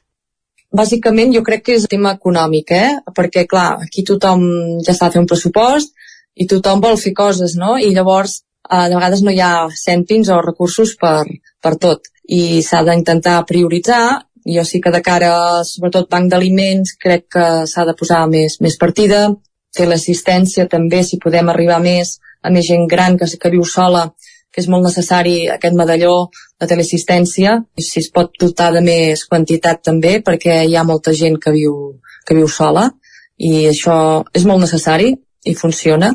Jo bàsicament aquest per la gent gran que viu sola, el teleassistència és superimportant, gent sola també que no pot arribar a final de mes pel que, pel que sigui, doncs ajudar-los amb l'alimentació o amb, amb quantia, no? amb quantia de diners per ajudar-los i també, com no, doncs, oferir-los sempre doncs, cursos de, i tallers perquè puguin de gaudir de la vida no? amb, amb excursions, ara no fa pas la setmana que ve es fa una excursió a l'Hospital de Sant Pau de Barcelona i es fa tota una jornada al de dia vull dir també ja aquest any vam celebrar la 47a edició de la Festa de la Bellesa, homenatge a la gent gran, anar, anar fent coses i anar cuidant-los a tota la gent gran del nostre poble. I en aquest sentit, quines oportunitats de finançament cerca per recolzar aquestes iniciatives? En um, tema de teleassistència ens ajuda la Diputació de Barcelona, amb quantia. Llavors, amb l'altre, doncs, subvencions, que podem demanar a Diputació també, Generalitats, bueno, bàsicament és això, o en fons propis de l'Ajuntament. L'Ajuntament de Ceba destina uns 60.000 euros a benestar i serveis socials. Els més destacats podríem dir importants que és la teleassistència domiciliària, aquí destinem 6.000 euros. També una partida de banc d'aliments que hi destinem també 6.000 euros i ajudem actualment unes 12 famílies. Llavors tenim els cursos de psicomotricitat, anglès i tallers de manualitats que hi destinem uns, uns 5.200 euros també tenim servei de SAT, auxiliar a la llar, excursions, programes esportius per la gent gran, tota una sèrie d'actuacions que fem destinats a la gent gran, que en total pugen uns 65.000 euros a l'any que hi destinem amb benestar social. Per tant, quin creu que ha de ser el paper de l'Ajuntament pel que fa a l'atenció a les persones necessitades? Escoltar-los, no? Jo crec que és escoltar la, les persones que, que necessiten, que, que demanen i intentar millorar el dia a dia de la seva vida. Això és el que hem d'intentar doncs, fer-ho el màxim de bé possible. I des dels ens supramunicipals i estatals, com creu que es pot abordar? Bueno, també, no?, que col·laborin, no?, que col·laborin i, i ajudin, i també també tenim entitats que també col·laboren, fent actes, o... Bueno, és, bàsicament entre tots jo crec que hem de, hem de fer-ho. Considera que hi ha prou consciència social sobre aquestes iniciatives? Sí, crec que sí. Que se sap que, que, que fem aquestes iniciatives de, de banc d'aliments, despeses també, despeses de benestar social, nosaltres aquí posem, comprem per joguines pels reis per la, pels nens necessitats, també que no, no tenen per comprar les seves famílies. Vull dir, no sé, sí, sí, jo crec que són conscients de que ajudem amb totes aquestes vessants, eh? Creu que els fan falta recursos per arribar a cobrir tota aquesta demanda d'ajuda social? Sempre en falten. sempre en falten, segurament. Jo crec que estem molt, molta, moltes persones, però sempre te'n deixes algun, segurament, que no... O perquè no, no t'ho demana, o perquè no, saps, no te l'has enterat, o així, però jo crec que sempre en falten. El que et dic ara, el taller d'anglès ara sortirà un altre grup, per tant haurem de buscar-lo, haurem de posar-lo. Quins projectes li agradaria veure complerts un cop acabi el mandat? Ara estem fent el projecte, bueno, vam provar l'aprovació definitiva del pla especial de la residència, la vam haver de tancar per, per problemes de, de l'edifici. Però vam fer la residència nova i en principi, si tot va bé, de cara al 2024, doncs, començar les obres. Tenim una residència aquí i un centre de dia, que aquí Ceba fa, fa molta falta un centre de dia, perquè si la gent gran doncs, pugui realitzar tallers o jocs o el que sigui, trobar-se amb, la, amb les demés persones a, en aquí un centre de dia, que és el que ens fa, ens fa molta falta aquí Ceba un centre de dia. I per acabar, quin seria el futur ideal que s'imagina per la seva comunitat? El futur ideal, doncs, que tots les, persones grans tinguessin per viure per, i que, gaudeixin de la vida en plenitud, que els puguem ajudar amb tot el que puguem arribar, tant des dels consultoris també que funcionin millor, perquè de vegades ens hem trobat problemes que també doncs, eh, sol estar tancat perquè falta de metges, doncs intentar arribar a tot arreu ja sé que el CAP, la gestió d'uns consultoris no, no ens pertoca a nosaltres, però sí vetllar perquè funcionin el màxim de bé possible, que estiguin oberts i el màxim d'hores possibles per, per atendre totes les persones. Esperem que es puguin complir. Mariana, moltes gràcies per ser avui aquí amb nosaltres i fins aviat. Moltes gràcies a tu. Gràcies també, Laura, una setmana més per acostar-nos als solidaris aquí al Territori 17 Uh, I hem escoltat doncs, el testimoni de Mariana Pineda, regidora de l'Ajuntament de Ceba, explicant-nos la tasca que es fa des de l'Ajuntament en l'àmbit de solidaritat i benestar social. 10 segons per fer la pausa, 3 minuts i tornem de seguida amb en Guillem Sánchez, qui ens espera amb les piolades, amb el podcast de llengua i amb l'entrevista al periodista Abraham Urriols. Tot aquí, al Territori 17, fins ara mateix. El nou FM, la ràdio de casa, al 92.8. La qualitat de les teves impressions és important per tu? Estàs cansat que els colors i les imatges no surtin com t'esperes? A Impremta Mater disposem de la tecnologia més avançada i els millors professionals per aconseguir impressions d'alta qualitat. Fem tota classe d'impresos amb acabats professionals. Llibres, catàlegs, revistes, tesis, calendaris, enquadernacions... I a més, disposem del servei d'impressió digital en gran format. Roll-ups, lones, pòsters i molt més. Impremta Mater. Ens trobaràs a la carretera de Sant Hipòlit 23 de Vic o impremtamater.com 25 anys de la Festa del Bolet de Ceba. Diumenge 8 d'octubre vine a la 25a Festa del Bolet de Ceba. Sortides guiades, tallers, xerrades, tastet de bolets, espectacles, doma clàssica, gegants, zona de jocs infantils, concurs de bolets, ballada de swing i molt més. Diumenge 8 d'octubre t'esperem a la 25a Festa del Bolet de Ceba. Més informació a ceba.cat. A Instituts Odontològics, la tardor arriba amb un 20% de descompte en odontologia general per a tothom. Vine amb els teus i entra en el sorteig d'un viatge màgic per a dos adults i dos infants. Demana cita ja a ioa.es o trucant al 900 131 002. Instituts Odontològics, perquè quan estàs bé, somrius. Ens trobaràs a la Ronda Francesc Camprodon 11 de Vic. Ser a prop vol dir veure les coses més bé.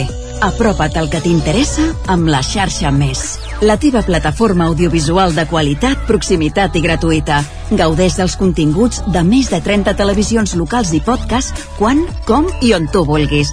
Entra a la xarxa més.cat i descarrega't l'app. El nou FM, la ràdio de casa, al 92.8. Cocodril Club. Si t'agrada la bona música dels anys 60, 70 i 80, escolta el 9 FM els matins de dissabtes i diumenges d'11 a 1. És el temps del Cocodril Club, tot un clàssic de la ràdio, amb les bases del pop-rock, les llegendes, les cançons que s'han convertit en autèntics himnes. Recorda, dissabtes i diumenges al matí, d'11 a 1, al 9 FM 92.8. Cocodril Club, el programa revival de l'Albert Malla. Hasta luego, cocodrilo. Cada dimarts a les 11 de la nit, al 9 FM, repàs de l'actualitat esportiva a la banqueta. Anuncia't al 9 FM. La màquina de casa. 9 3 8 8 9 4 9 4 9. Publicitat arroba al 9fm.cat. Anuncia't al 9 FM. La publicitat més eficaç. El nou FM, el nou FM, el nou FM. En punt ara mateix, dos quarts d'onze al territori 17.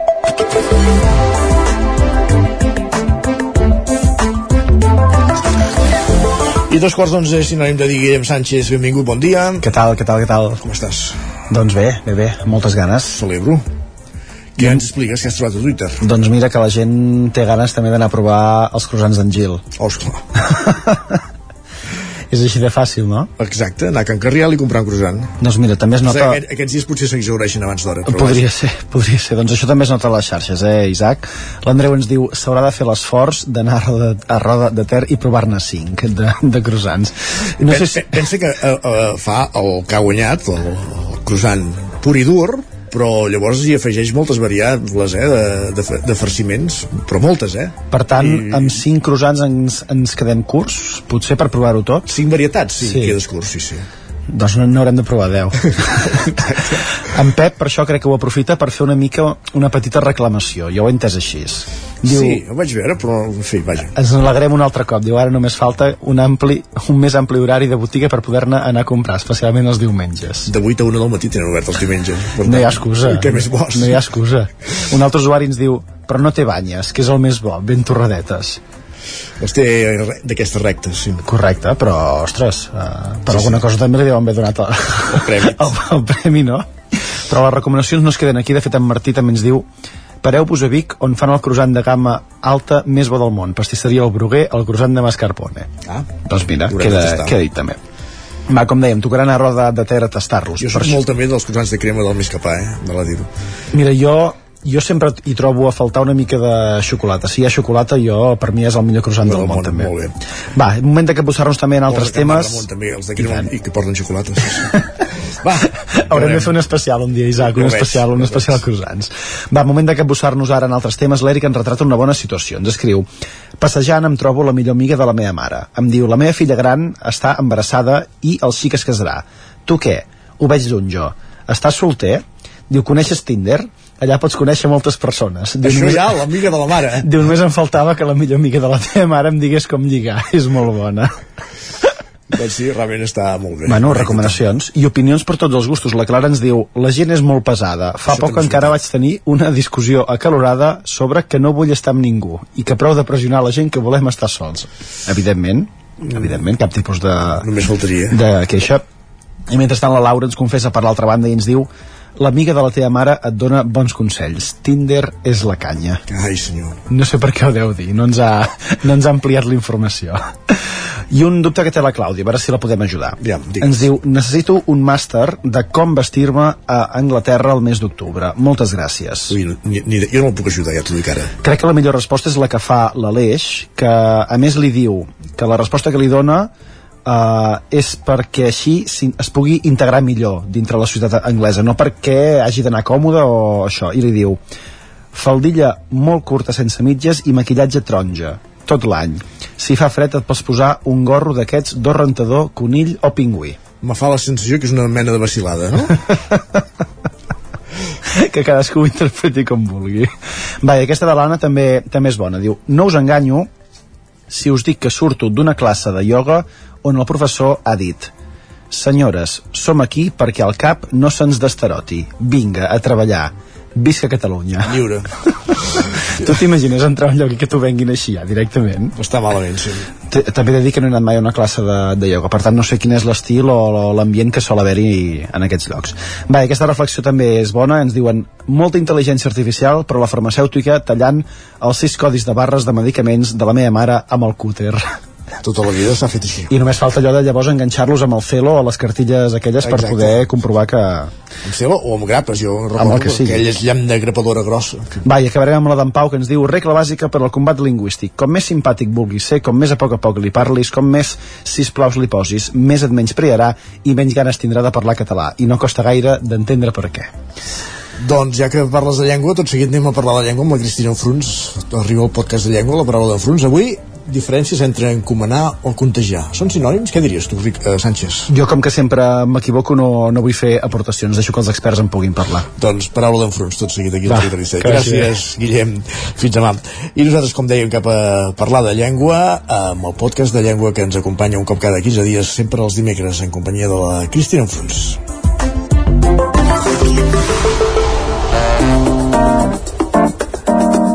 Territori 17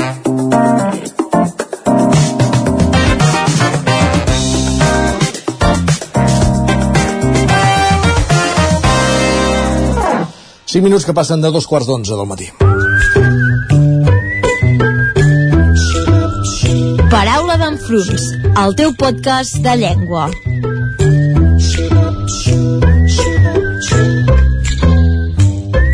Benvinguts una setmana més, moment de parlar de llengua i per fer-ho, com sempre, ens encomanem a la Cristina Enfruns. Benvinguda, bon dia. Hola, bon dia. Què parlarem avui, Cristina? Va, vinga, avui us vull parlar de, de dos verbs que, tot i ser sinònims, tenen comportaments diferents.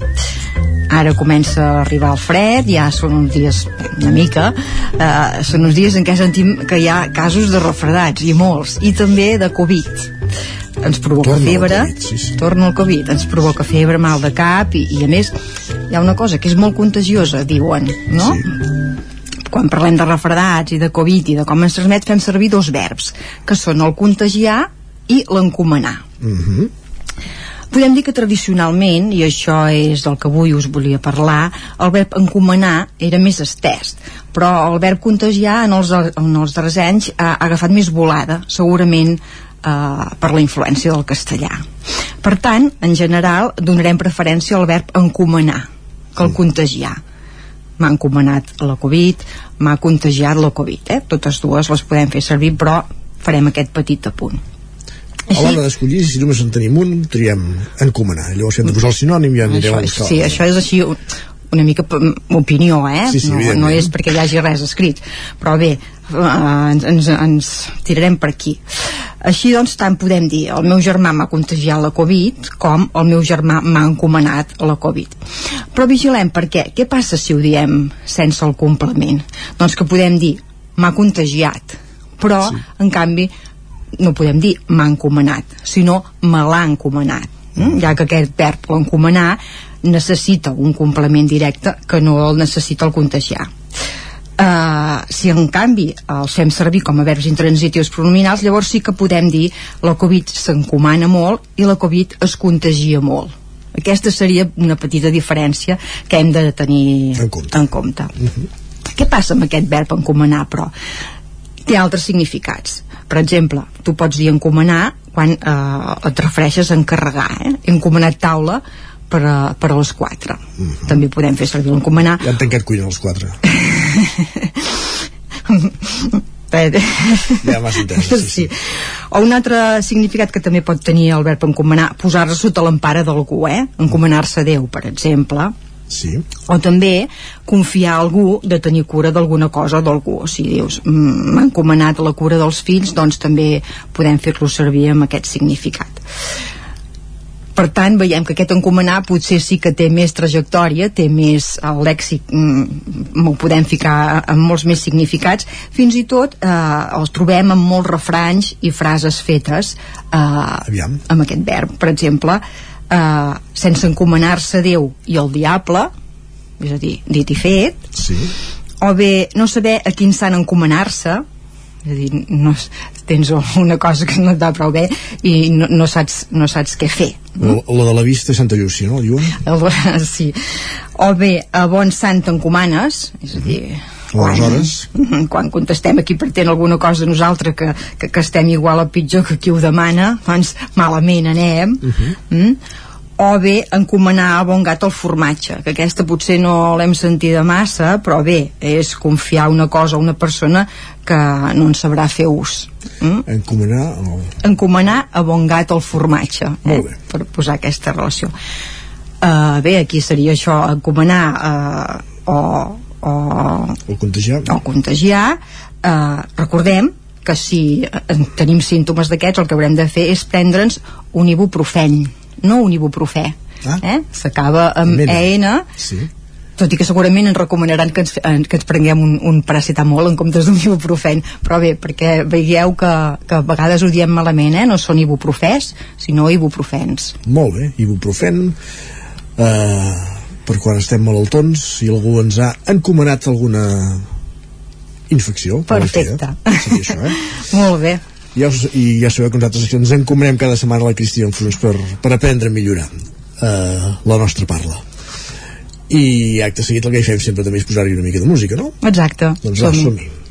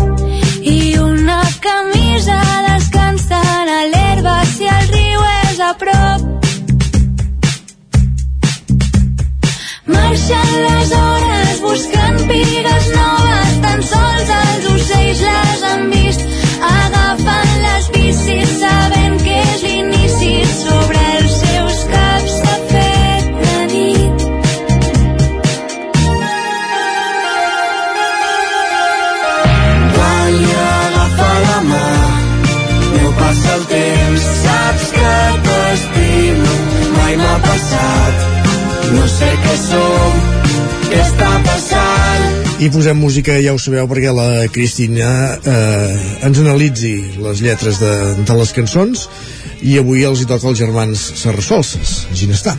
mm -hmm. Què passa amb aquesta cançó? bé L'Eva i Ah. la Jana.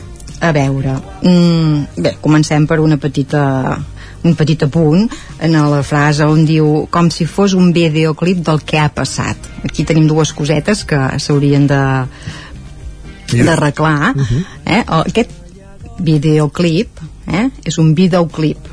Uh -huh. mm? Hauríem de pronunciar-ho amb, la, amb la U àtona i, i amb amb aquesta, bé, aquesta pronúncia eh, també aquest del que ha passat que segur que és, és aquelles coses recurrents eh, que, que segurament que en totes les cançons ho trobarem eh, que és aquesta qüestió del relatiu àton l'hem de fer sense accentuar en aquest cas del que ha passat Això són, totes dues coses són del contagi del castellà en molts casos. Segurament I que, que sí, eh? I que de fet moltes vegades eh, temps cap aquí si més no la percepció és que utilitzem moltes paraules en castellà per, per reforçar el que volem dir eh, o, o, o, o l'expressió en Sí. castellà o, o la manera de dir-les en castellà Sí, perquè sí. sembla que, que, i a més, més. hi ha tota aquesta qüestió dels relatius que aquesta sí que ens costa eh? I, i aquest és molt freqüent el fet de, de fer relatius així mm, tònics quan evidentment si acompanya l'article hauríem de fer-lo amb... i aquest sí que ja ho veureu que és recurrent en moltes de les cançons que anem analitzant Sí, sí, les es, les os àtones són les grans damnificades. sí, del que ha passat aquí, aquí en aquesta cançó és surt eh? un videoclip del que ha passat uh -huh. de tot el que som bueno, en aquest cas sí, de tot el que som llavors sí, aquest sí que aniria uh, hauria de ser tònic però bé, ja ho veureu eh? segurament jo en parlaré moltes vegades Més. uh, potser el més important que hi ha aquí és aquesta expressió però que guapa estàs evidentment això és el que s'anomena un quantitatiu poderatiu l'expressió idònia seria però que guapa que estàs eh? Un- una altra història és si aquí ho podríem fer servir ho podríem aplicar, eh? però bé aquest ja segurament a molta gent ja li sona una mica forçat eh? això de que guapa estàs Uh -huh. oh, aquest potser és el més important trobem alguna qüestió de lèxic com parla de la Camilla aquesta Camilla ens l'hem de treure, és un castellanisme és una llitera i també hi ha una cosa quan, eh, que a mi potser m'ha trontollat una mica quan deia eh, eh, li agafa la, diu, li agafa la son mm? aquest eh, normal, el verb pot ser existeix la son i existeix el son eh? amb, sí. amb el- d'allò de persona diferent, no? Però en aquest cas normalment és agafar el son quan tu tens molta son i vols dormir és agafar el son i en aquest cas aquí jo diria que eh, et ve la son en aquest cas li ve la son eh? però eh, aquest de, eh, li agafa la son potser sona una mica forçat i, i, i castellà eh, i, aquí ho deixo Perfecte, doncs també hem aprofundit amb aquesta cançó de Ginestar, l'Eva i la Jana. Cristina, moltíssimes gràcies. a vosaltres Fins la setmana que ve. vinga, adeu-siau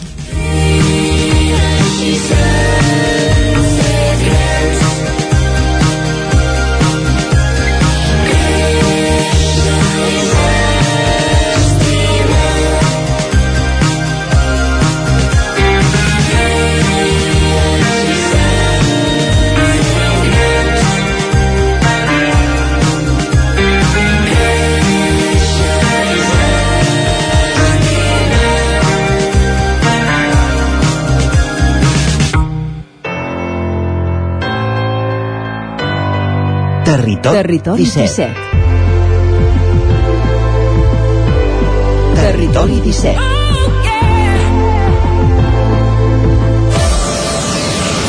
Mig minut que passa de 3 quarts d'onze del matí.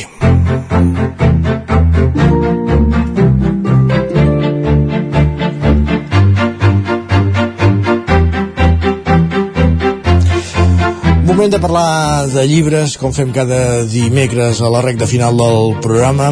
Avui ho fem en companyia de l'Isaac Muntades des de la veu de Sant Joan. Aquí ja saludem, Isaac, bon dia, benvingut un dia més. Bon dia, Isaac. I, I avui segur que coneixeu el nostre convidat, el Lletra Ferís del Territori 17. Sorprèn-nos. Per, Sí, perquè per poc que mireu les notícies de televisió de Catalunya, la seva cara us sonarà almenys una mica. Ell és l'Abraham Oriols, de 26 anys i nascut a Berga. Hem de dir que és llicenciat en periodisme per la Universitat Ramon Llull de Barcelona i treballa a TV3 des del maig del 2019 i ha passat, entre d'altres, per la delegació de Lleida i Girona, per les seccions de Societat i Territori, també pel programa Els Matins de TV3, ha fet col·laboracions amb Catalunya Ràdio en totes les franges horàries i abans també havia estat eh, molts anys doncs, com comencen els periodistes en el món local a Televisió del Berguedà, entre d'altres. A més a més, és membre de la Junta del Col·legi de Periodistes de, de Catalunya. Una presentació extensa per tenir només 26 anys. Eh, L'hem convidat perquè el pròxim 9 d'octubre sortirà a la venda el llibre Una vida a les muntanyes, de l'editorial Ara Llibres, escrit per ell, i narra la vida de la pastora de, de Bruguera, de 96 anys, la, la Marina Vilalta. Bon dia, Abram, i moltíssimes gràcies per ser al, al Territori 17 amb nosaltres i, i presentar-nos doncs, una mica aquest llibre. Molt bon dia, com esteu? He quedat impressionat amb aquest repàs. És veritat que quan ho vas fent no et sembla tant, però ara així dit dic, he pensat, eh, no faig res més que, que treballar. Quin desastre. Això també és veritat. Sí, sí, i ets, més, i ets bastant més jove que jo, vull dir que sí, sí, déu nhi eh? Has fet, has fet una, bona, una bona carrera i tens un bon currículum. Uh, És, és, qui té més bon que jo vaig fent. Hmm. No, no, no. Ah, mm, Digues, digues, que senzillament això que, que sóc de, de fàcil engrescar, sóc de fàcil il·lusionar, i per tant, quan em proposen una cosa, mm, una mica a la mínima, si ho saben fer, ja acabo dient, vinga, va, som-hi. Coincidiràs amb mi per això que qui té més currículum encara és la Marina Vilalta, eh, 96 anys a, a les seves esquenes. No sé com t'assabentes de la seva existència, si és arran de la concessió de la Creu de Sant Jordi que, que li otorguen des del govern de la Generalitat, i a tu concretament, Abraham, qui te la presenta? Um, com la conec a ella, uh, que sé que existeix, diguem, és arran de la Creu de Sant Jordi, efectivament. I també uh, havien fet alguna entrevista, tant al Telenotícies, també hi havia un reportatge de la Mira bastant extès, aquest uh, mitjà digital, però no la coneixia personalment. I va ser l'editorial Ara Llibres que em va dir escolta, aquesta senyora, aquesta pastora, té una història que, que mereix ser explicada. Ella no sap ni llegir ni escriure i hauríem de posar remei. I em vam anar parlant, eh, vaig acabar aconseguint el telèfon de la família, els vaig trucar, vam parlar per telèfon uns dies, fins que vaig pujar a veure-la una primera vegada, una mica sense saber com acabaria, perquè eh, jo ja els havia plantejat la idea de sobrevola eh, la proposta de fer un llibre, però ells eren els primers de dir un llibre sobre la Marina, si no ha fet res especial, res extraordinari, que hi estic d'acord i no hi estic d'acord a la vegada, eh? però ja, ja, ja hi entrarem. Uh, I vam fer la primera visita una mica per a veure com respirava la cosa. I va ser en el trajecte de tornada que vaig trucar a l'editorial i vaig dir no, no, efectivament aquí hi ha un llibre i ens hi vam posar. I a partir, i a partir d'aquí com recopiles la història? És, a dir, no, no coneixes la, la protagonista, la Marina, la coneixes a, aquest dia, i és tot entrevistes amb ella, eh, me, quantes, més d'una, amb la família, diguéssim, perquè reconstruir 96 anys d'història, evidentment, eh, no es fa en un dia. No, clar, hi he anat molt sovint. Uh, jo a Ribes de Freser no hi havia estat mai, ho situava al mapa, Bruguera no hi havia estat mai i no ho situava al mapa i de cop aquest any hi he anat pujant molt sovint i són converses que tinc sobretot amb la Marina perquè l'acompanyo a pasturar i és allò, i vas amb hora uh, d'arribada però de tornada ja ho veurem i també amb la família perquè el Jesús, que és el seu fill, l'acompanya a pasturar ara també i el, i el Josep, que és el net, també volta, volta per allà perquè viuen junts i passava a saludar, la jove, la Núria també, i també el que passa en aquests pobles tan petits, Bruguera penseu que té una quarantena d'habitants a tot estirar, um, és que quan arriba algú forani, tothom se n'assabenta una mica, o, o com a mínim hi ha gent que treu el cap per la finestra de qui ha vingut aquí, perquè no, no, no hi ha moltes visites. I per tant també és molt fàcil mm -hmm. començar a parlar amb veïns i parlar amb l'alcalde pedani i amb els responsables de l'hostal, que és l'únic establiment obert, etc etc etc. I per tant, doncs, sí, són visites força contínues, força constants i també fins i tot moltes trucades telefòniques per resoldre dubtes, etc etc. Mm -hmm. Bruguera perquè ens situem també a uns 6 quilòmetres a, la dreta de Ribes en una carretera, a la falda del Taga també és un nucli urbà agregat de, de Ribes i això que comenta l'Abram la, eh, també, que no eh, s'hi arriba fàcilment però vull dir queda una mica apartadet um, volia preguntar-me una mica per als, als temes de, de conversa, què, què heu parlat amb la Marina? Vull dir que m'imagino que la conversa devia començar per, per, per una banda però devíeu acabar parlant de, de, de coses inesperades, no? no ho hauries pogut dir millor perquè era exactament d'aquesta manera com descriure. És a dir, jo tenia la intenció d'un dia, hosti, m'agradaria parlar de la Guerra Civil, com la viu ella quan és una nena petita eh, que té 8, 9 anys, 10 anys. I la conversa derivava a el viatge que va fer a Mallorca, que és l'única vegada que ha sortit de, de Catalunya. I després hi, hi anaves un dia amb la intenció potser d'aprofundir més en aquest viatge, com va anar, perquè se'n van anar a les 5 del matí, van tornar a les 8 del vespre, perquè ella ja volia veure les ovelles i no perdre's més mm -hmm. un mhm. dia d'anar-les a pasturar, etc. I aquell dia és el dia que et parla de la Guerra Civil. I, per tant, una mica vaig acabar entenent que mm, de guió, per entendre'ns, no en podia haver de cap de les maneres i que, per tant, era milionari escoltar-la i anar parlant amb ella. I després també el, el que he fet és... Um, de fet, la, la seva vida serveix per explicar un segle de sector primari, el Ripollès, però també al final uh -huh.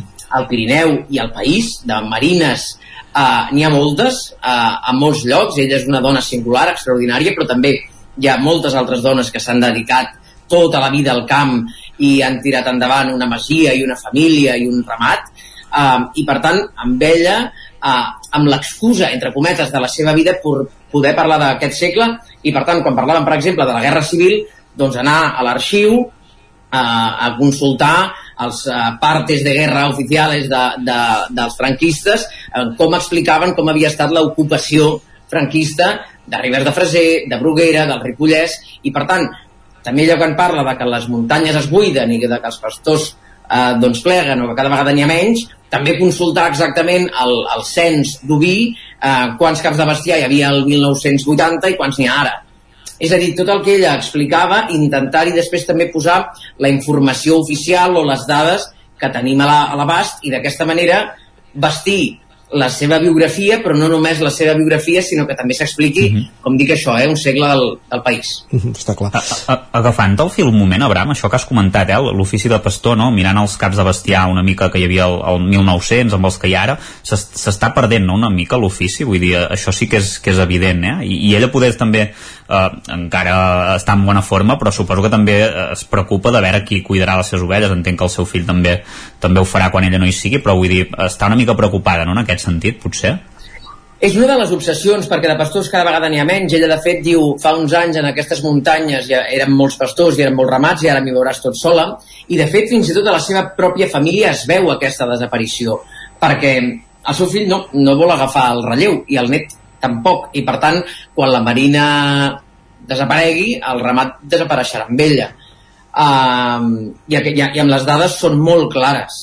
Uh, és, és una baixada contínua uh, de, dels caps de, de bestiar com també de les explotacions ramaderes familiars com, com d'aquest tipus. Clar, tenim grans granges, macrogranges, grans superfícies, explotacions enormes però que ja no tenen aquesta essència que retrata a, a, en la família de la Marina Vilalta. Per tant, sí, sí, no és només una percepció, sinó que les dades i ella mateixa en la, en la pròpia pell, en la pròpia família, es veu com no hi ha relleu, però perquè és molt difícil poder-se guanyar la vida ara amb un ramat de 40 ovelles, encara que em venguis la carn i em facis formatge i etc etc etc. És molt difícil i per tant ningú vol fer una feina tan sacrificada com aquesta si ni tan sols després tens la oportunitat o la possibilitat de guanyar-te la vida dignament, clar. Uh, i, evidentment, tot el que comporta això darrere, eh? perquè evidentment això també és gestió de, del territori, però ja en parlarem en un altre moment, no, no és el cas avui.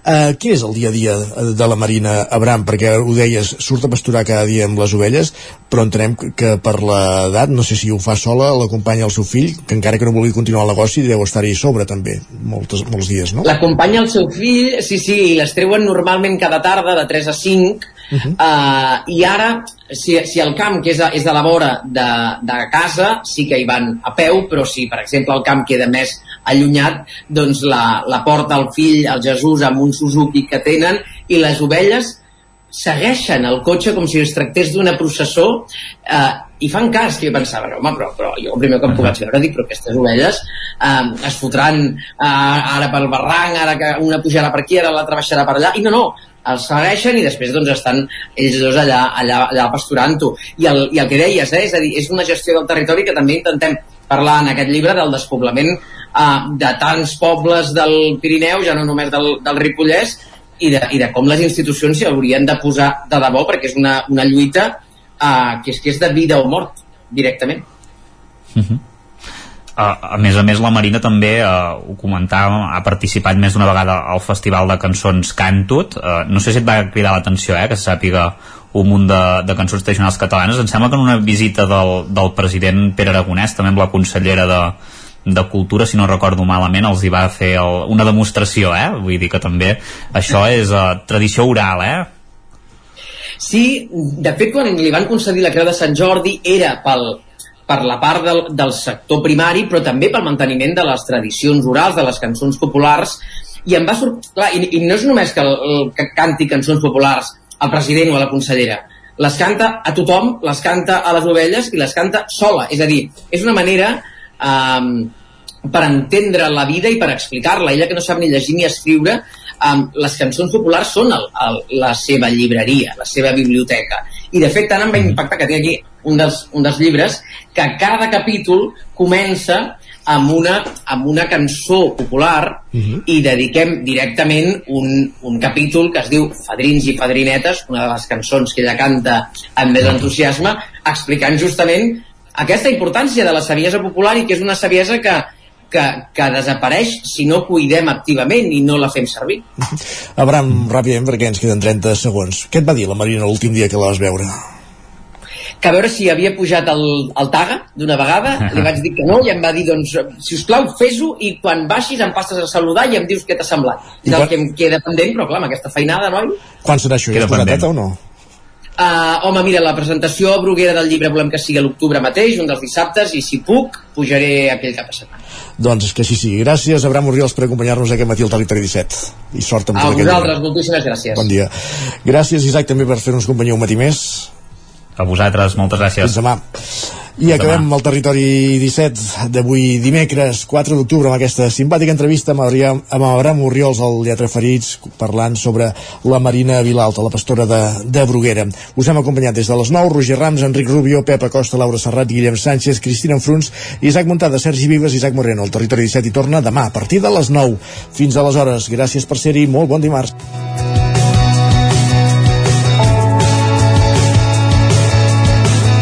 Territori 17, un magazín del nou FM, Ona Codinenca, Ràdio Cardedeu, Ràdio Vic i La Veu de Sant Joan, amb el suport de la xarxa.